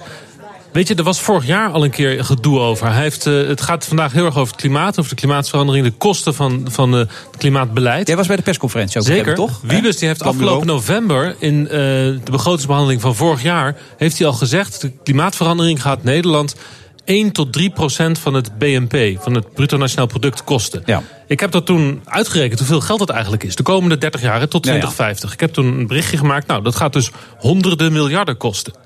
Dat is namelijk 1 tot 3 procent van het BNP. Dat is 8 tot 24 miljard per jaar. Nou, reken dat uit. En toen was het ministerie was heel erg boos op mij. Dat ik Oh. dat zo had uitgerekend. Dat was niet de bedoeling. Dat ik dat helemaal ging uitrekenen hoeveel Nee, het dan dat is gewoon voor de bühne, weet je het. Nou, het, het ging om het, het- ze wilden juist zeggen dat het heel weinig was. 1 tot 3 procent van het BNP, wat is dat nou? Hè? Zo wilde Wiebes het brengen. Maar ja, eigenlijk gaat het om heel veel geld. Dus ehm Wiebes die wil heel graag een verhaal vertellen wat inspireert. Ehm, en het eigenlijk niet over die, die, die, die, die centen hebben. Omdat hij, zijn verhaal bij de klimaatverandering is eigenlijk van. eh, probeert hij optimistisch te brengen. Van het is niet zoveel geld en we moeten een beetje moeite doen. En het kost heel veel moeite en het moet heel veel gebeuren. Maar we gaan wel iets bouwen wat mooi is. Hè. Dat is eigenlijk het verhaal. En dat is ook het verhaal hoe het zo moeten worden Ja, en verteld. wat Ruud Korstas heeft verteld, wat ons ook heel veel op gaat leveren. Want die gaat af, wel die voorbeelden van onze auto en die energierekening enzovoort. Ik, ik heb soms het idee dat hij muur vastzit aan zijn ambtenaren. Hij wil, hij, ik heb ook, hem ook een zomergasten zien praten. Ik was, ja, ik was best wel onder de indruk. En hij wil graag, is zeer gepassioneerd. Maar ik heb het idee dat hij echt muur en muur vastzit aan zijn Nou, wat, wat, Hoe in zie die, jij dat? Ja, wat in die zomergastenuitzending voor mij echt een openbaring was, was dat hij zei zelf: ehm, Ik heb. Ik zat de stukken te lezen over Groningen, over die aardbevingen en over die schade en over hoe we dat moeten aanpakken en dat we dat allemaal moeten gaan herstellen met heel veel geld. Ik zat die stukken te lezen en ik dacht: ik geloof dit niet, dit verhaal. Dit verhaal waar wij dus al jaren aan werken bij het ministerie, wat die vorige minister allemaal heeft opgezet. En hij presenteerde het alsof dat hij persoonlijk daar dus als minister heeft ingegrepen en de, de zaak heeft gekeerd. Oké. En ehm, of dat waar is, dat kunnen we natuurlijk niet zo heel goed controleren. Want daar is meneer Wiebes zelf bij en zijn ambtenaren en verder natuurlijk niemand. Maar dat is in ieder geval wel hoe hij daar dus zei, sprak over hoe hij politiek bedrijft. Heel persoonlijk. Dat was wel leuk om te horen. Wat wel mooi is, zo betrokkenheid. Hoe was trouwens de, de analyse vandaag van de plannen? Zijn die Het was hilarisch. Nou, het was echt fantastisch. Er waren twee planbureaus die hebben een rapport geschreven. Ja. Het planbureau voor de leefomgeving, die gaan over milieu en over welvaart en welzijn en hoe het gaat met land. En het Centraal Planbureau, dat is gewoon dat klassieke planbureau wat kijkt naar het geld. En dat Centraal Plan, de basis is daar Laura van Geest. En die mevrouw die heeft een beetje de uitstraling van een strenge universiteitsprofessor. Nee, dus kom niet aan met bullshit bij haar. Ja. En eh ze heeft een persberichtje gestuurd over die, die, die klimaatadviezen die, dat, die Nijpels had geschreven. En eh, dat was een paar regeltjes. En de conclusie van de persbericht was van nou, ehm, nee, hier kunnen we nog niks mee. Kom nog maar een keer terug als je wat hebt. Zoals een professor dat ook tegen zijn Nou ja. studenten zegt. Als die met een paper komen van nee, sorry, dit is echt onzin. Ja. Wegwezen. Ga nog maar een keer nadenken. Dat was eigenlijk een beetje de conclusie van het CPB. En daar hebben ze wel een beetje gelijk in. En de vraag is nu aan wie ligt dat nou? Dat dat te vaag is wat Nijpels heeft bedacht. Ligt dat nou aan Nijpels en dat de plannen niet kloppen? Of ligt het aan het kabinet? Omdat het kabinet niet duidelijk is over hoeveel geld ze nou eigenlijk willen gaan uitgeven aan die klimaattransitie. Misschien dat de man die achter jou zit er gelijk een antwoord op kan geven. Dion Graus, hartelijk welkom. Goed dat je bent, Dion. Ja, dankjewel. Ja, we zaten even ik vast mag te begrijpen. Of was het een entrijden? Wat was, eh, Nee, nee. Ik had een ander akkefietje aan de hand als, eh, als bekende PVV'er. Oh, Maar- dat even oh, weten. Ja, hallo, dan willen we weten wat er gebeurd is dan. Nee, dat, eh, daar kan ik helaas niet over praten. Maar geen vechtpartij hoop ik toch? Gewoon... Nee, nee, nee, dat is er niet van gekomen gelukkig. Dus Nee, ben ik al maar dat dreigt er wel. Maar ik heb ehm, ehm, over klimaat, ik ben niet woord voor de klimaat. Ik zit hier als Nee, woord voor de ik. luchtvaart. Maar- Maar, ik weet wel dat er nu ehm, heel veel miljarden gaan worden gestoken de komende tijd. Waar alle mensen voor moeten bloeden. Alle burgers. Ja, burgers worden als citroenen eh, uitgeknepen voor die peperdure groene gek. De kabinet wil huishoudens compleet failliet laten gaan. Waanzin, kappen ermee. Zegt Nee, eh, kijkt- PVV-leider Geert Wilders. Ik, ik heb een tijdje heb ik, eh, moeten waarnemen bij dat woordvoerderschap. En ik weet wel dat deskundigen ter zake zeiden... van je gaat er inderdaad enkele ehm, tiende procenten aan, aan ehm, eh, verhoging van de temperatuur. en Zo Ik zou je mogelijk tegen kunnen gaan, mogelijk. Maar ehm, als je ziet dat heel veel tientallen procenten vandaan komen... de evolutie van de aarde uit, vulkanisme en andere zaken... en dat maar een heel klein deel wordt bepaald door, door mensen en dieren. En logisch moet je daar alles aan doen wat mogelijk is... en wat ook betaalbaar en haalbaar is. Maar eh, ik geloof wel dat er nu ehm, ehm, heel veel eh, gaat geïnvesteerd worden... wat eigenlijk niet heel veel gaat bewerkstelligen. Maar, Maar nogmaals, wat Ruud de Korster tijd- zei, dat gaat ons ook veel opleveren, Zeker, zeker dat zal, maar dat zeggen ze overal. Hè. Oh, Ehm, dat is Minister. Wiebers zei ook laatst van de windmolens... die gaan binnenkort zonder subsidie draaien. Nou, dat blijkt ook niet waar te zijn. daar hadden we het net dus over, ja, inderdaad, daar hadden, we, daar hadden jullie Ja. het over. Dus het is eh, heel veel... Al, ik zit al bijna 13 jaar in de Staten-Generaal. En eh, er is eigenlijk nog bijna niks... wat ooit is eh, voorspeld is uitgekomen. Maar de PVV kraamt een beetje onzin uit hier. Vol- Volgens mij, als we goed gaan kijken naar die klimaattafel... en we bestuderen de plannen... zitten daar waanzinnig veel wetenschappelijk... en praktisch onderbouwde concepten in. Hoe kun je dan volhouden dat we eigenlijk aan de rand staan van groot verlies van geld. Ik denk serieus dat we veel nieuwe businessmodellen gaan krijgen. Maar we zullen ermee moeten oefenen, we zullen het moeten proberen.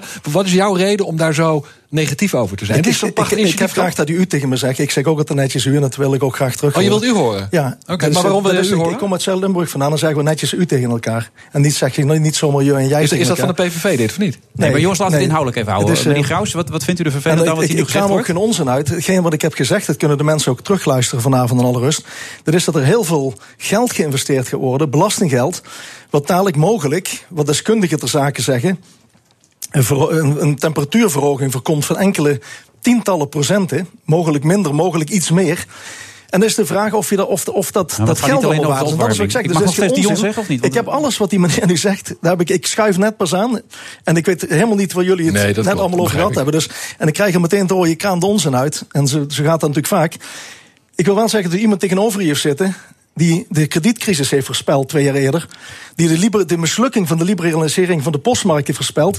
En ook alle problemen rondom Lelystad Airport al acht jaar geleden heeft, voorspeld. En zo heb ik nog veel meer dingen voorspeld die zijn uitgekomen. En dingen die de regering voorspelt zijn niet uitgekomen. Dus je moet toch een beetje op je woorden letten. Maar wat je bent zegt. eigenlijk een soort van Want Ik weet donders goed wat ik zeg allemaal. Ja, maar aan de andere kant, doe ik je denk dat, hetzelfde allebei eigenlijk. Nou, volgens mij wel. We zijn allebei Ja. futurist, denk ik dan een beetje. Maar ik denk wel, als je naar die klimaattafel kijkt en de waanzinnige initiatieven die er liggen. Ik vind dat we het moeten gaan doen. En dat er waanzinnig goede punten in zitten. Dus wat is voor jou dan de reden om het van tafel te vegen? Voor u is dat voor u. Ja, ik, ik blijf iedere keer fout doen. u. Ik begrijp niet Nee, dat worden, is- dat is- dat is je niet gewoon onbeschoft. De, de manier van benaderen. Ik zeg netjes u, ook tegen kinderen van acht jaar. En ik heb graag ook dat mensen dat terug doen.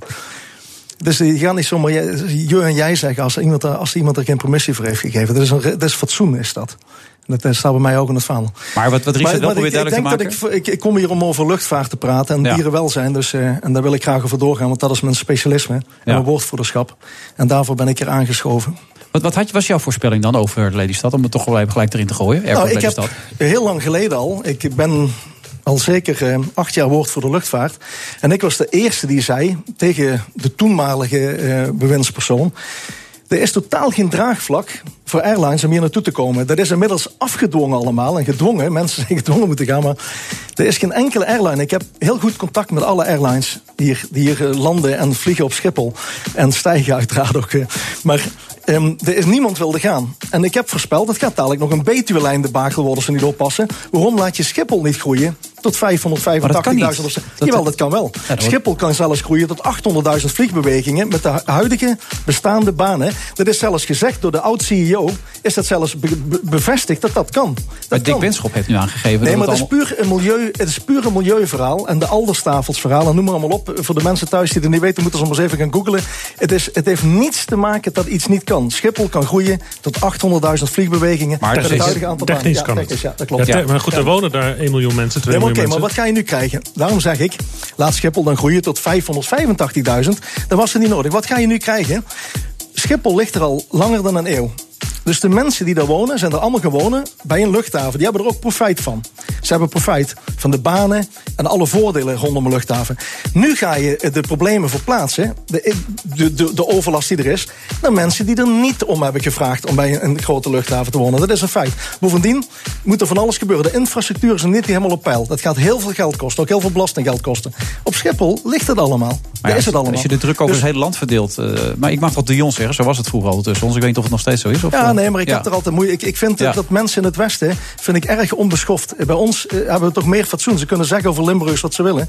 Maar wij hebben toch veel meer fatsoen. Hey, dan mensen in het Westen die meneer alleen maar... Ja, ik heb er erg veel moeite mee. Moet ik Mag ik meneer, Graus, even een vraagje. Ja, ik, ik kom zelf uit uh, Aalsmeer, Amstelveen, heb ik gewoond. Houd je het anders even vast, want je hoort het geluid. Hè? Jij, jij woont daar en we gaan er even op door. Ja. Over die overlast en dat soort dingen. Ja. Zometeen, na de Ja, reclame. ben heel zo. goed idee.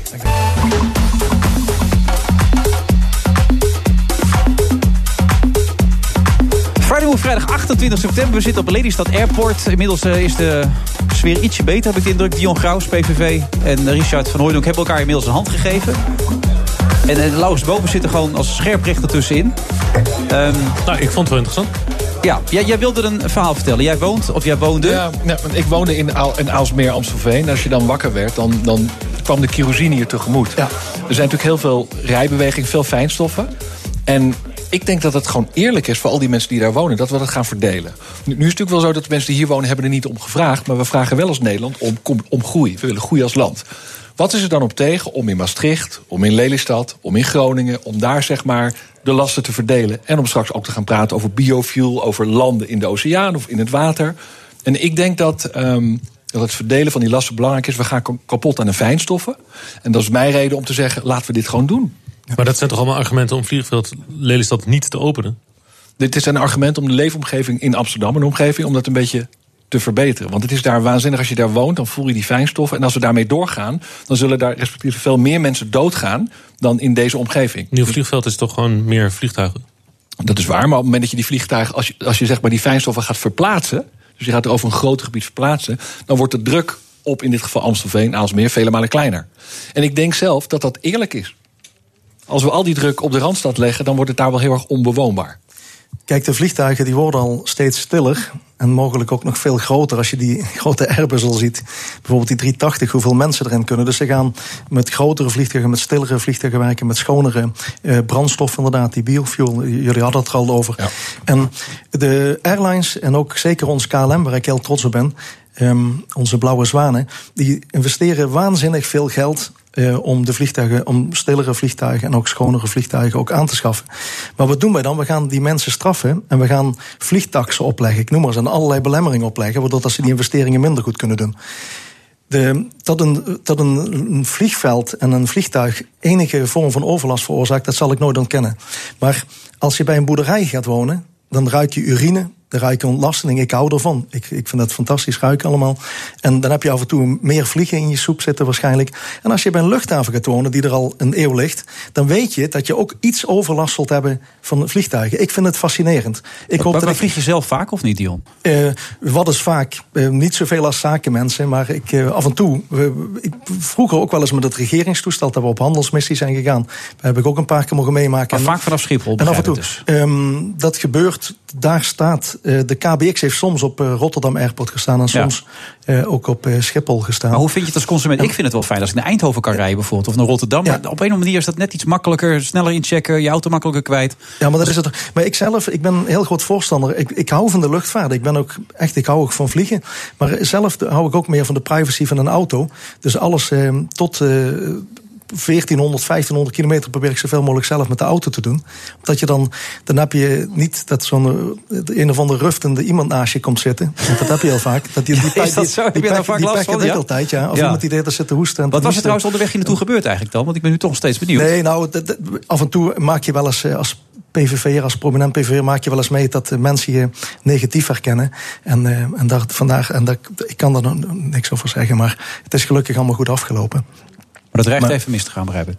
Nou, die, het is een paar keer bij mij misgegaan. En daardoor uh, ben je op alles voorbereid. En nu ben ik gewoon netjes uh, kunnen wegkomen. En daar is niks aan de hand verder. Oké, okay. nog even terug hier met Lelystad. Ze willen het hier namelijk heel graag. Dat merk je, tenminste in de zaal hier net. Werd applaus een paar keer gegeven toen er werd gesproken over dat Lelystad als airport zou moeten groeien. Dat er mogelijkheden zijn. Kun je dat dan wel voorstellen? Nou, ik ben iemand geweest en de, de handelingen liggen vast. Ik ben nooit tegen Lelystad Airport geweest. Maar ik ben wel een lid van de Staten-Generaal die ook verantwoording heeft en ook moet controleren wat er met het belastinggeld gebeurt. En wij hebben ervoor gekozen, van kijk, we zijn er nooit voor gelegen. Dat kan je ook zien aan de moties. Maar op het moment dat je Schiphol goedkoper kan laten groeien en daardoor ook de overlast vermindert op het aantal mensen, dan moet je dat doen. En dat is een keuze die wij hebben gemaakt. Toen we zagen dat, een, dat het niet meer tegen te houden viel. En dat ook airlines zeiden, nou, oké, okay, wij zijn wel bereid. Al was het echt onder dwang hoor. Want geen enkele airline die ik gesproken heb echt de jaren... Niet, wat, nee, echt wat, niet. Echt wat is het probleem om hier naartoe te gaan? Ik heb echt met uh, Corendon gesproken, met TUI, met allemaal. Uh, Transavia, die zijn onder druk van KLM. Omdat dat een Siamese tweeling is met Schiphol. Die hebben al, al snel gezegd, we willen gaan. Maar de, de rest zijn allemaal, um, na lang praten, zijn ze overstag gegaan. Want het, is ook, het probleem is ook, wat doe je met het onderhoud? En de kisten, de overnachtingsplaatsen van de kisten. De landingsbaan. Sommige piloten zeggen die landingsbaan die deugt helemaal niet voor, voor, voor grote kisten. En um, bovendien de infrastructuur, hotels, uh, ontsluit, de ontsluiting ja, van de wegen. gaan bouwen hier Zeker, allemaal. maar dat kost het Werkgelegenheid. Dat, dat, kost tering veel geld. Terwijl we van Schiphol een van de grootste, mooiste luchthavens van de wereld uh, dus al hadden kunnen maken. Dus over een jaar gaan ze stemmen? Wat, wat gaan jullie dan stemmen? Nou, wij hebben altijd gezegd, en dat kunt u zien, want ik ben de woordvoerder geweest al die jaren. Ik heb altijd gezegd, ik ben pro-luchtvaart en de PVV is pro-luchtvaart. En we zijn ook niet tegen Lelystad, maar alleen als je dan echt puur ook gaat kijken naar belastinggeld en verkwisting van belastinggeld, dan moet je niet milieupaniek en uh, zo laten gelden. Dan moet je denken van oké, en ook die alderstafels niet. En dan moet je ook naar de airlines kijken en luisteren. En laat dan Schiphol groeien. Oké, okay, enkele dus tegen, tienduizenden dus vlieg, vliegbewegingen meer. Ik, ik Ja. heb al voorgesteld 585.000. Dan was dat allemaal niet nodig geweest. Even terug naar jezelf trouwens, Dion. Nee, even, Ja, ja, nou, ik wou nog iets zeggen over Lelystad. ja, toen maar Mag heel dat kort. niet? Ja. Ja, wat ik grappig vind is dat ze hier dus al voor 200 miljoen hebben geïnvesteerd. Maar dat het nog helemaal niet zeker is of die vliegveld dus uiteindelijk open gaat. En dat Ja. het over een jaar pas uiteindelijk Nee, maar gestemd moet worden. dat- dat en dat het in dit kabinet helemaal ook niet zeker is. De ChristenUnie is er Ja. eigenlijk tegen. Dus het kan zomaar zijn dat het helemaal, niet, dat het helemaal nooit uh, Ja, maar, maar, maar kijk nou, ik, ik heb ook lang op dat landbouwdossier gezeten. Hoeveel boeren die investeerden dan een bepaalde stalvormen. En aan Ja. de hand deugden ze niet meer. En dan hadden ze het allemaal voor niks gedaan. Dat is altijd. In Nederland loopt altijd voorop. Daar kun je mensen voor prijzen. Maar vaak moet je eens even eh, wachten. Inderdaad, wat een, wat een meerderheid van de Kamer besluit. En wat de regeringen besluiten. Want soms lopen mensen ook te veel voor de muziek uit. Ja, dat, dat is, die, die zekerheid was er echt Over niet. prijzen dat dat er zou gesproken trouwens. Vind je dat je genoeg waardering krijgt? Je hebt ja, nu even iemand vandaag op, op je pad die het niet zo aardig vond. Maar eh, je hebt de MKB-toets onder andere mede volgens mij in het Nou ja, eh, dat is, een, dat is heel, vind ik heel sympathiek dat je dat aanhaalt. Want eh, ik ben al heel lang woord voor de MKB. En ik haal meestal alleen maar de, de pers als het gaat om KLM en om dieren. Maar ik heb bijvoorbeeld inderdaad gezorgd dat die MKB-toets er komt. Dat wil zeggen dat alle nieuwe wet en regelgeving uit de Europese Unie, maar ook van nationale decentrale overheden, overheden dat die worden getoetst op eh, werkbereid, eh, toepasbaarheid, eh, belastbaarheid, ook belasting. En dat soort zaken, eh, zaken allemaal. En ehm, dat is een hele grote overwinning. Ik weet dat eh, eh, Leendert Jan Visser, de directeur van MKB Nederland, die noemde dat een historische doorbraak. En ik vind het vaak jammer. Ik vind het heel sympathiek. Je bent de eerste die dat doet.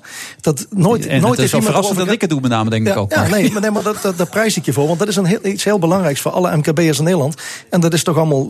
Ja, en zo zijn er meer dingen hoor, waar ik me mee heb bezig. Maar je, je ziet jou minder in de media, vind ik. De laatste tijd is er een bewuste keuze voor. Dat je Ja, dat... ja ik, heb, ik, ik, ik had het helemaal gehad. En live en semi-live doe ik nog heel graag, zoals bij jou. Maar vooral ook de schrijvende pers heb ik het helemaal mee gehad. Want alles wat je zegt, ik neem het altijd op met de iPhone. Zij nemen het altijd op met de iPhone. En iedere keer moet je echt 23 tot 40 feitelijk onjuistheden eruit gaan fietsen. En vaak dan eh, duurt die autorisatie te lang. En dan gaan ze toch dingen plaatsen die niet zo zijn gezegd. En daar ben ik dus helemaal klaar mee. En ik vind het vaak. eh, niet leuk dat voor die heel grote successen. En waar ik toch een Kamerlid van die toch ook heel veel heeft weten binnen te halen. Niet alleen voor dieren, maar ook voor ondernemers. Dat je daar met die sympathieke dingen juist niet de pers haalt. En, Nee, maar dat komt ook omdat jouw leider nog wel eens uitspraken doet... die daar zo gepolariseerd mee is... dat het daardoor even ondersneeuwt, hè, wat alle andere mensen doen van de PVV. Toch? Ja, en toch eh, bl- blijf ik ook daar achter staan wat hij zegt. Ik, ik maak me dezelfde zorgen die hij zich ook maakt. En, en miljoenen mensen met ons. Zoals gisteren, En, als je dat dan meekrijgt, dat ja, maar dat toch maar, kijk, iemand, kijk, ik weet zeker, hè, eh, Wilfred, dat heel veel mensen ehm, ehm, het roerend met ons eens zijn. En ook veel Kamerleden. Maar die willen niet leven zoals wij moeten leven. Want wij moeten continu achterom kijken. En, ehm, wij worden zeer ernstig bedreigd vaak in het publieke domein. En eh, er zijn zelfs lijsten waar mijn fractievoorzitter op staat. Ja. Op nummer 4 op een doodlijst. En nummer 6 is al, hebben ze al vermoord. En heel veel Kamerleden hebben daar gewoon geen zin in. En die kiezen de gemakkelijke weg. Maar er zal toch iemand moeten benoemen en zeggen. Want ook daar, alles wat we hebben voorspeld.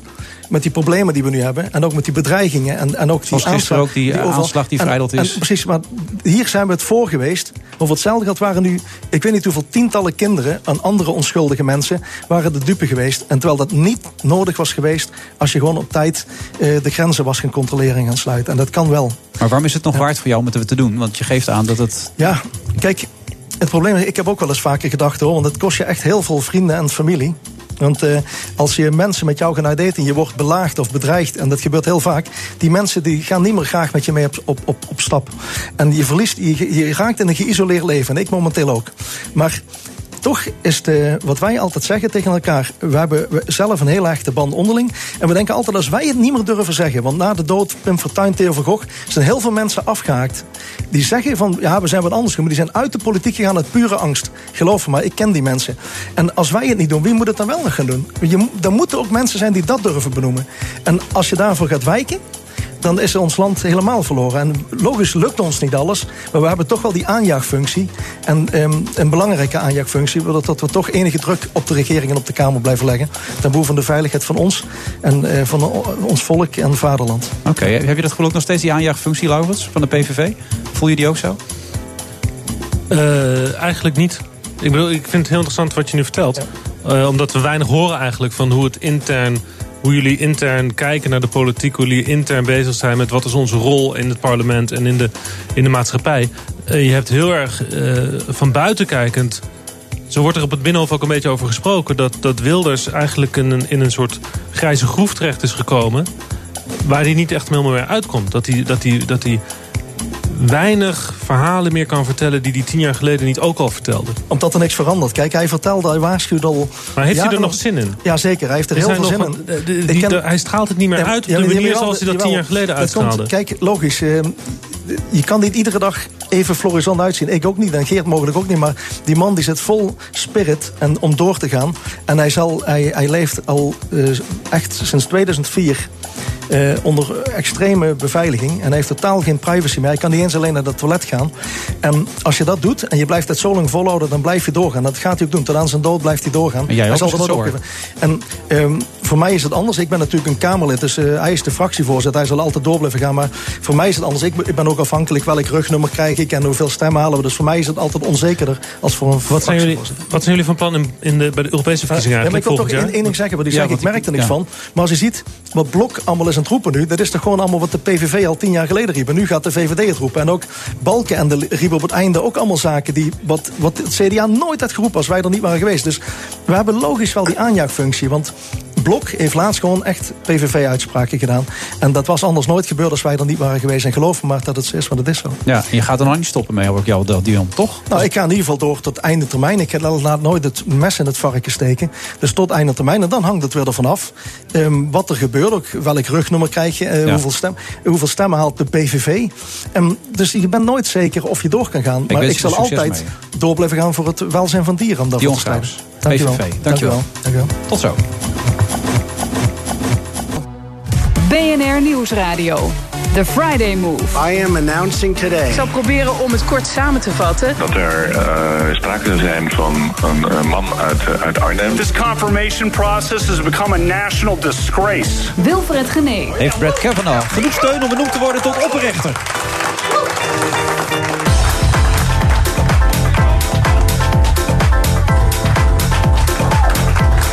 Alweer het laatste half uur van deze uitzending. Vrijdag 28 september. We zitten op eh, Lelystad Airport. En de, de muziek is nog steeds van onze eigen DJ, DJ Thomas Robson.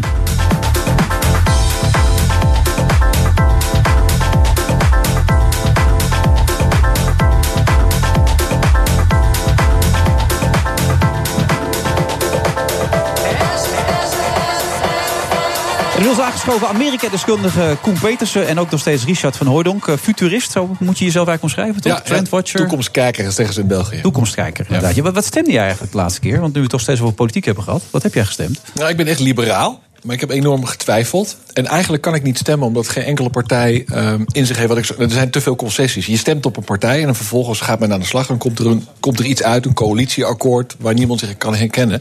Maar vooralsnog ehm, ja, vind ik zelf de VVD een sterke partij. Maar alle partijen hebben sterke punten. Dus ik een heel vind een politiek antwoord. eh. Ja, wat moet je je moet nog anders? zoveel lezingen we geven. we hebben, net, denk we als hebben net meneer Gauws gehad hier. Dus, nee. Nee, nee, maar jij moet nog zoveel lezingen geven. Dus heb jij niet gestemd of heb je wel gestemd? Ik heb gestemd, ja. Op VVD dus? Eh, ja, ik heb op de VVD gestemd. Ja, nee, dat kun je ook gewoon in één keer zeggen. Dat duurde even. Want dat, die tijd hadden we kunnen gebruiken om met Koen Petersen te Ja, praten. natuurlijk joh. over Brad Kavanaugh vroeg natuurlijk. het. Ja, nee, maar je gaat er een... eh, maar maakt niet uit. Maar Goed dat je er bent, Koen. Ehm, eh, die hoorzitting, hè? Die, hoe lang heeft die eh, geduurd uiteindelijk met Brad Kavanaugh? Eh, de hoorzitting met Kavanaugh heeft een uur of vier geduurd. En Ja? de hoorzitting met eh dokter... ehm, wat was zijn naam? Dr. Ford, inderdaad. Die eh, ehm, heeft ook ongeveer vier uur geduurd. Het was, een, eh, het was een hele dag, een hele zit. Ja, en ze was erg emotioneel. Christine Blasey Ford. En werd ze nou een beetje geloofd eigenlijk, of niet? Nou ja, eigenlijk eh van links tot rechts zeiden mensen wel... ja, die mevrouw reageert zo emotioneel, die moet wel iets hebben meegemaakt. Ja. Maar of het nou is geweest in een huis waarvan ze niet precies kon aangeven waar het was... op een datum die ze zich niet wist te herinneren... met Kavanaugh wat ze zich wel wist te herinneren... Daar eh zeiden de Democraten van dat is inderdaad het geval. En Republikeinen zeiden nou, het is toch niet zo specifiek als dat je zou eh, verwachten om iemand zo hard in de beschuldiging eh, te zetten. Nee, want ze zei ook op een gegeven moment, dat stukje wat ik al zag, zag, ik vind het verschrikkelijk om hier te staan, maar ik moet het wel doen als burger. Dat, is mijn plicht. Ja, en je zag ook dat ze heel geëmotioneerd was. Dat is denk ik niet te acteren. Dus ze zal echt iets te vertellen hebben eh, gehad. De enige vraag die Amerika verdeelt is wat ze vertelt. Klopt dat ja of nee? Ja. En wat voor invloed gaat dit hebben? Wat denk je? Wat gaat de uitslag worden? In het voordeel of het nadeel van de heer Kavanaugh? Nou als je nu kijkt naar de eh, commissie die die eh, benoeming door de Senaat voorbereidt. eh, daarvan lijken de Republikeinen nu toch op één lijn te komen. En het met een positieve aanbeveling naar de Senaat te sturen voor een stemming plenair. En dat zal volgende week gebeuren. Dat betekent dat de kans dat het voor Kavanaugh goed zal aflopen. Weer iets groter is geworden dan het eh, gisteren leek. Omdat één twijfelende Republikeinse senator vandaag heeft bekendgemaakt dat hij voor zal stemmen. Ja. Ehm, tegelijkertijd zie je wel dat het land nog steeds heftig verdeeld is. En eh, het effect op de verkiezingen van begin november, als een nieuw parlement wordt gekozen, eh, ook in het nadeel van Republikeinen kan, eh, kan uitkomen. Omdat de Republikeinen een beetje, zoals Amerikanen zeggen, between a rock en a hard place eh, zitten. Aan de ene kant vinden ze het ongelooflijk belangrijk om een echte conservatief te benoemen. En voor conservatieven is die Kavanaugh een droomkandidaat voor het Hoge Rechtshof. Dus dat niet doorzetten betekent dat die conservatieven massaal het laten afweten wat grote electorale schade is. Want conservatieven kom je ze niet tegen, bedoel je, dit, deze rechter? Nee, dat is, het is een soort SGP'er in een Ja. eh, net pak met een grote kuif. Maar wel iemand die, van dat, die met die standpunten ook dat eh, gerechtshof eh, de komende 30 jaar kan eh, beïnvloeden. Maar homohuwelijk, abortus en dat soort dingen, dat is... eh, Ja, allemaal eh boze. Ja. eh, standpunten. En tegelijkertijd, als eh, Republikeinen wel doorzetten wat dus voor hun conservatieve achterban belangrijk is. Dan zeggen de vrouwen volgens peilingen, dan laten wij de Republikeinse Partij vallen. En ook vrouwen zijn een ongelooflijk belangrijke kiezersgroep voor de Republikeinen. Dus hoe dan ook zullen de Republikeinen naar verwachting schade hebben door het hele proces zoals het tot nu heeft eh, ontwikkeld. Ja, de, de president is vrij duidelijk in zijn, eh, in zijn steun, hè? heb ik de indruk. Ja, en Trump zegt eh, ehm, eigenlijk iets waarvan je aan de ene kant kan zeggen dat is voor te stellen. Aan de andere kant is het ook wel weer haha, typisch Trump. Hij zegt: Het kan niet zo zijn als iemand wordt beschuldigd van seksueel overschrijdend gedrag. dat meteen iemand dan ook daarmee schuldig is. Ja. Dat is denk ik een fair eh, punt. En het punt zegt tegelijkertijd ook van: ik spreek uit eigen ervaring. Wat ook weer de geloofwaardigheid van zijn uitspraak wat kan, eh, kan ondermijnen. Omdat Trump natuurlijk ook zelf met al die eh, playmates en pornoactrices eh, wordt achtervolgd. Die zeggen dat ze een relatie met hem hebben gehad. Eh, en zich er ook tegen verweert. Waarvan mensen toch wel denken, er zal wel iets waar zijn met al die geldstromen die erachter zitten. Als, dat niet, als daar niet iets van klopt, zou wel heel opmerkelijk zijn, toch? Of... Ja, dat, dat klopt. Maar wat je wel ziet, en dat is wel een punt waar Republikeinen heel erg mee, mee zitten. Deze man heeft met alle functies die hij in het openbaar heeft bekleed en alle eerdere eh, goedkeuringsprocedures in de Senaat die hij voor andere functies heeft gehad, nooit problemen gehad. Nu komt eh, dit proces als een eh, verrassing uit de hoge hoed. En eh, kun je met een beschuldiging die wel heel erg overtuigend is, maar niet heel specifiek, de carrière van iemand zomaar kapot maken. Iemand laten ontploffen. En dat is wat het debat in Amerika heel erg voet op stelt. Jij bent, jij bent ook echt Amerikaans, Amerika-kenner. Hoe groot is de kans dat eh, de tegenkrachten eh, die vrouwen een ton hebben gegeven... en dan vervolgens opdracht hebben gegeven tot concrete karaktermoord? Is dat in Amerika denkbaar? Het is, eh, het is denkbaar. En wat je zag, waar de Republikeinen gisteren op uit waren in die eh, verhoren, was precies zo'n soort eh, eh, complot aan te tonen. Zijn de mensen die u hebben geholpen om een advocaat te vinden? Zijn de mensen die uw advocaat betalen? Zijn de mensen die uw polygraph En ze uw zei natuurlijk allemaal nee, hebben betaald? Nou, ze zei, dat weet ik allemaal niet. Er is zoveel over me uitgestrooid. Ik moet allemaal uitzoeken hoe dat precies zit. Zou ze nee zeggen en het zou ja zijn, dan kan ze achter de tralies belanden vanwege mijn eten. Omdat ja. dit een eh, verhoor is zonder ede. Dus ze moest wel een fine line bewandelen om te voorkomen dat ze dingen zei die niet eh, klopten. En het MeToo-tijdperk heeft dat ook nog een belangrijke rol gespeeld. Hadden we het, eh, als we dat niet in hadden gezeten op dit moment, was het dan, minder snel gebeurd dit? Of? Ja, want de laatste eh, eh, nominee voor het Hoge Rechtshof die met vergelijkbare claims te maken had, dat was Clarence Thomas, 1991. Toen speelde dit nog niet. En daar hebben zelfs nog democraten voor zijn benoeming gestemd. Al was er een vergelijkbare case. Dus je ziet wel dat het een ander tijdperk is dan eh, 20 jaar terug. Ja, wat betekent het als hij wel aangesteld gaat worden? Nou ja, dat je een ongelooflijk emotionele, op wraak beluste rechter in het Hoogrechtshof krijgt. Want je ja. zag gisteren dat die emoties spatten eraf. Ik zou zeggen, ga een jaar op ja. vakantie en ga dan dat gerechtshof in. Ik denk dat het heel lastig is voor hem om heel evenwichtig eh, te zijn. En dat dit wel het politieke klimaat nog meer verziekt heeft dan eh, al het geval is in Amerika. Ja, en dat kon al bijna niet slecht, toch, op dit moment? Nou ja, blijkbaar toch. Want dit Ja. is wel weer een dieptepunt in eh, wat je als eh, ehm, ja, tv-kijker over je heen hebt gezien. Het is smerige politiek op het hoogste niveau. En dat is eh, ja, wel iets wat zijn littekens zal nalaten. Ja, smeriger dan het ooit geweest is in jouw carrière, om het maar zo op te schrijven? Of, of... Ja, dit was eh, eh, echt een dieptepunt. Tegelijkertijd wat de Republikeinen twee jaar geleden hebben gedaan... door een democraat überhaupt niet te benoemen... omdat ze hoopten dat er een Republikein in het Witte Huis zou komen na de verkiezingen... was wel een beetje van hetzelfde niveau. Geen karaktermoord, maar ook politiek zoals je het niet hoort te bedrijven. En wat denk je nou zelf, heeft hij het nou gedaan of niet? Ik vind het heel lastig om dat op basis van tv-beelden te, eh, te beoordelen. Ik vond zijn statement heel sterk. Ik vond het verhoor vond ik hem een stuk minder sterk. Weinig specifiek, beetje ontwijkend. Dus het, eh, kan Maar dat waren die vrouwen ook, hè? Ja, die vrouw die zei vooral dat ze een beetje in de war was en het zich niet herinnerde. Je zag bij hem dat hij wel een beetje een spelletje leek eh, te willen spelen. En ehm, ja, ik kan als tv-kijker heel slecht beoordelen of iemand eh, de waarheid spreekt eh, of niet. Het statement was krachtig, hij was heel emotioneel, zat tegen de huilen aan. Maar tegelijkertijd zag je ook wel dat hij wat corporaal probeerde die eh, senatoren bij de hand de mond te snoeren. Hoe geloofwaardig dat is, vind ik toch weer lastig te beoordelen. Kom Petersen, Amerika-deskundige. Bedankt voor deze analyse.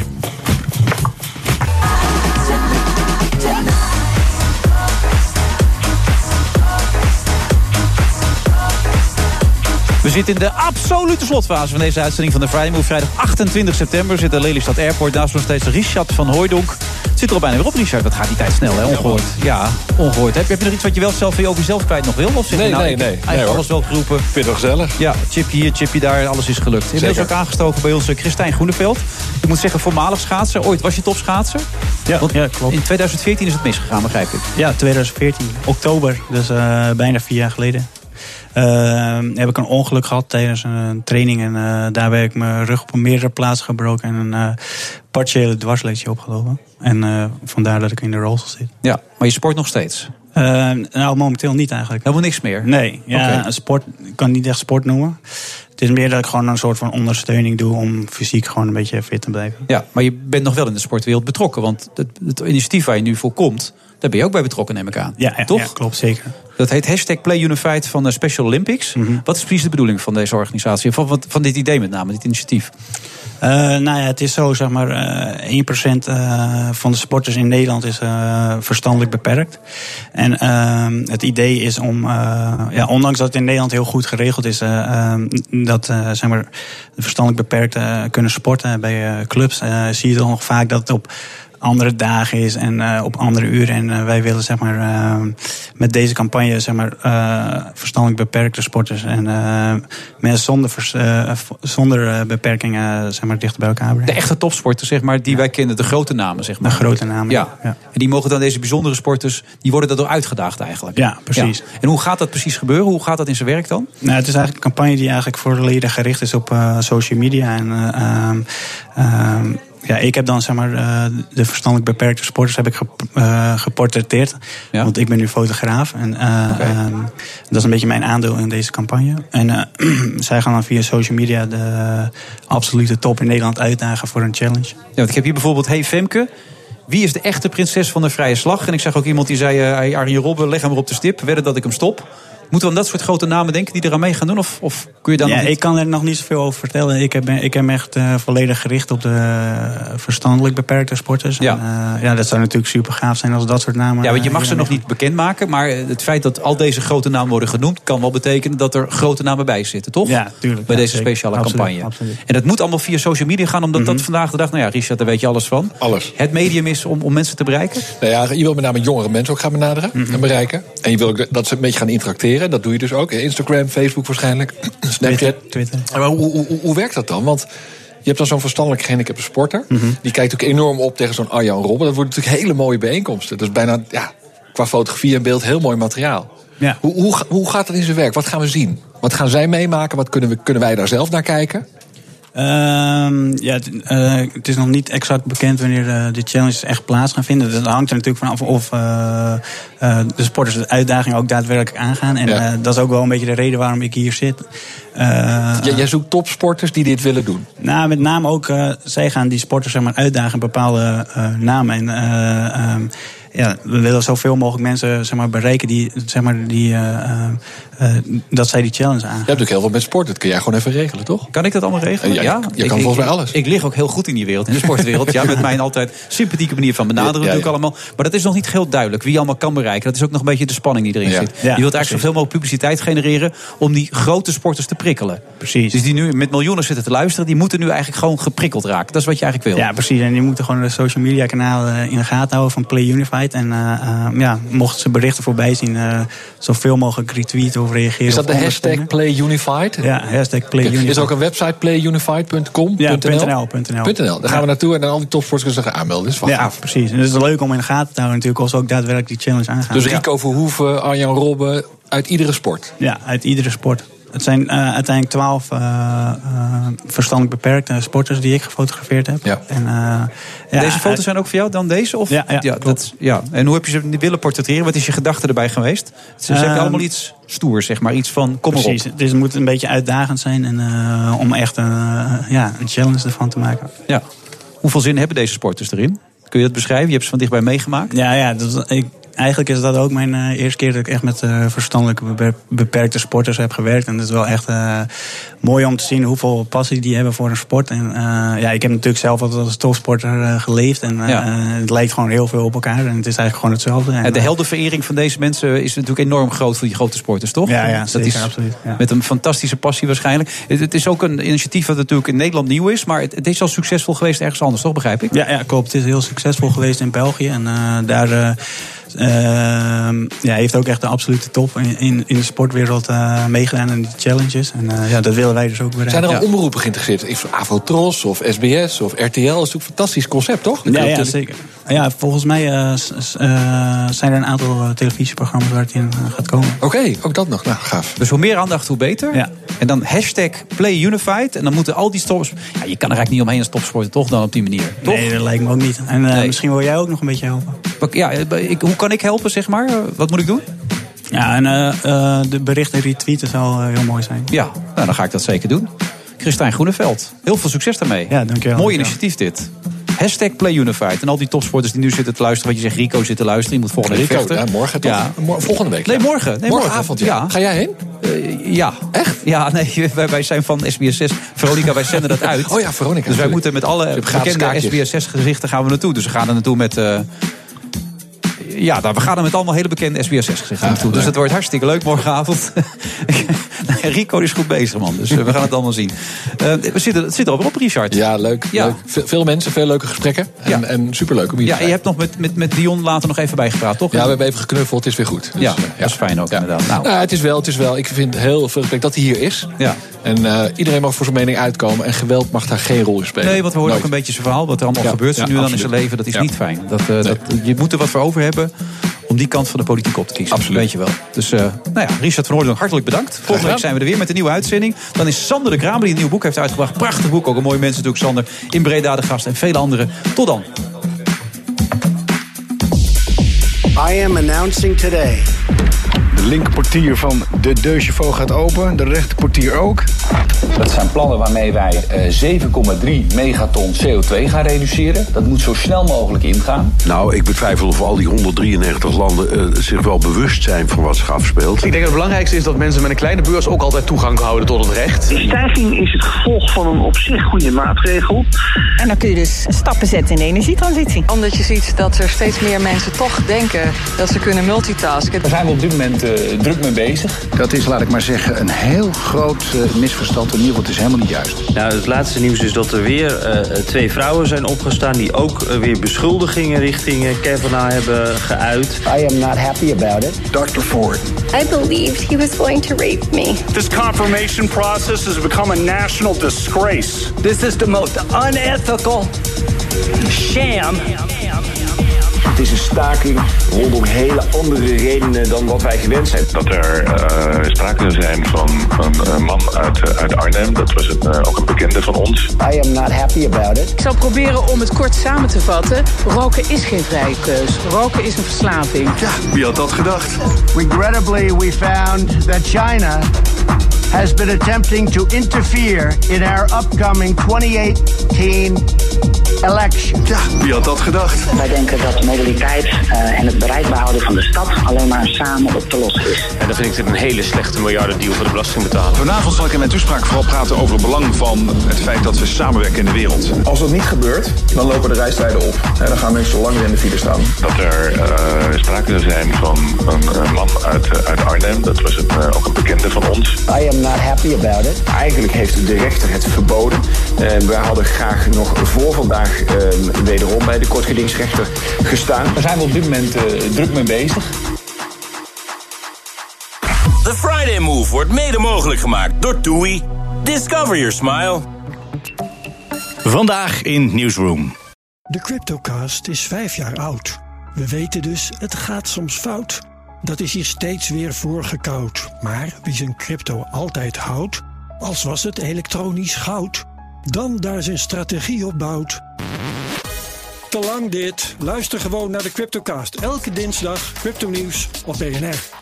De Cryptocast, voor jong en oud. Cryptocast wordt mede mogelijk gemaakt door Bitfavo, de crypto-exchange van Nederland.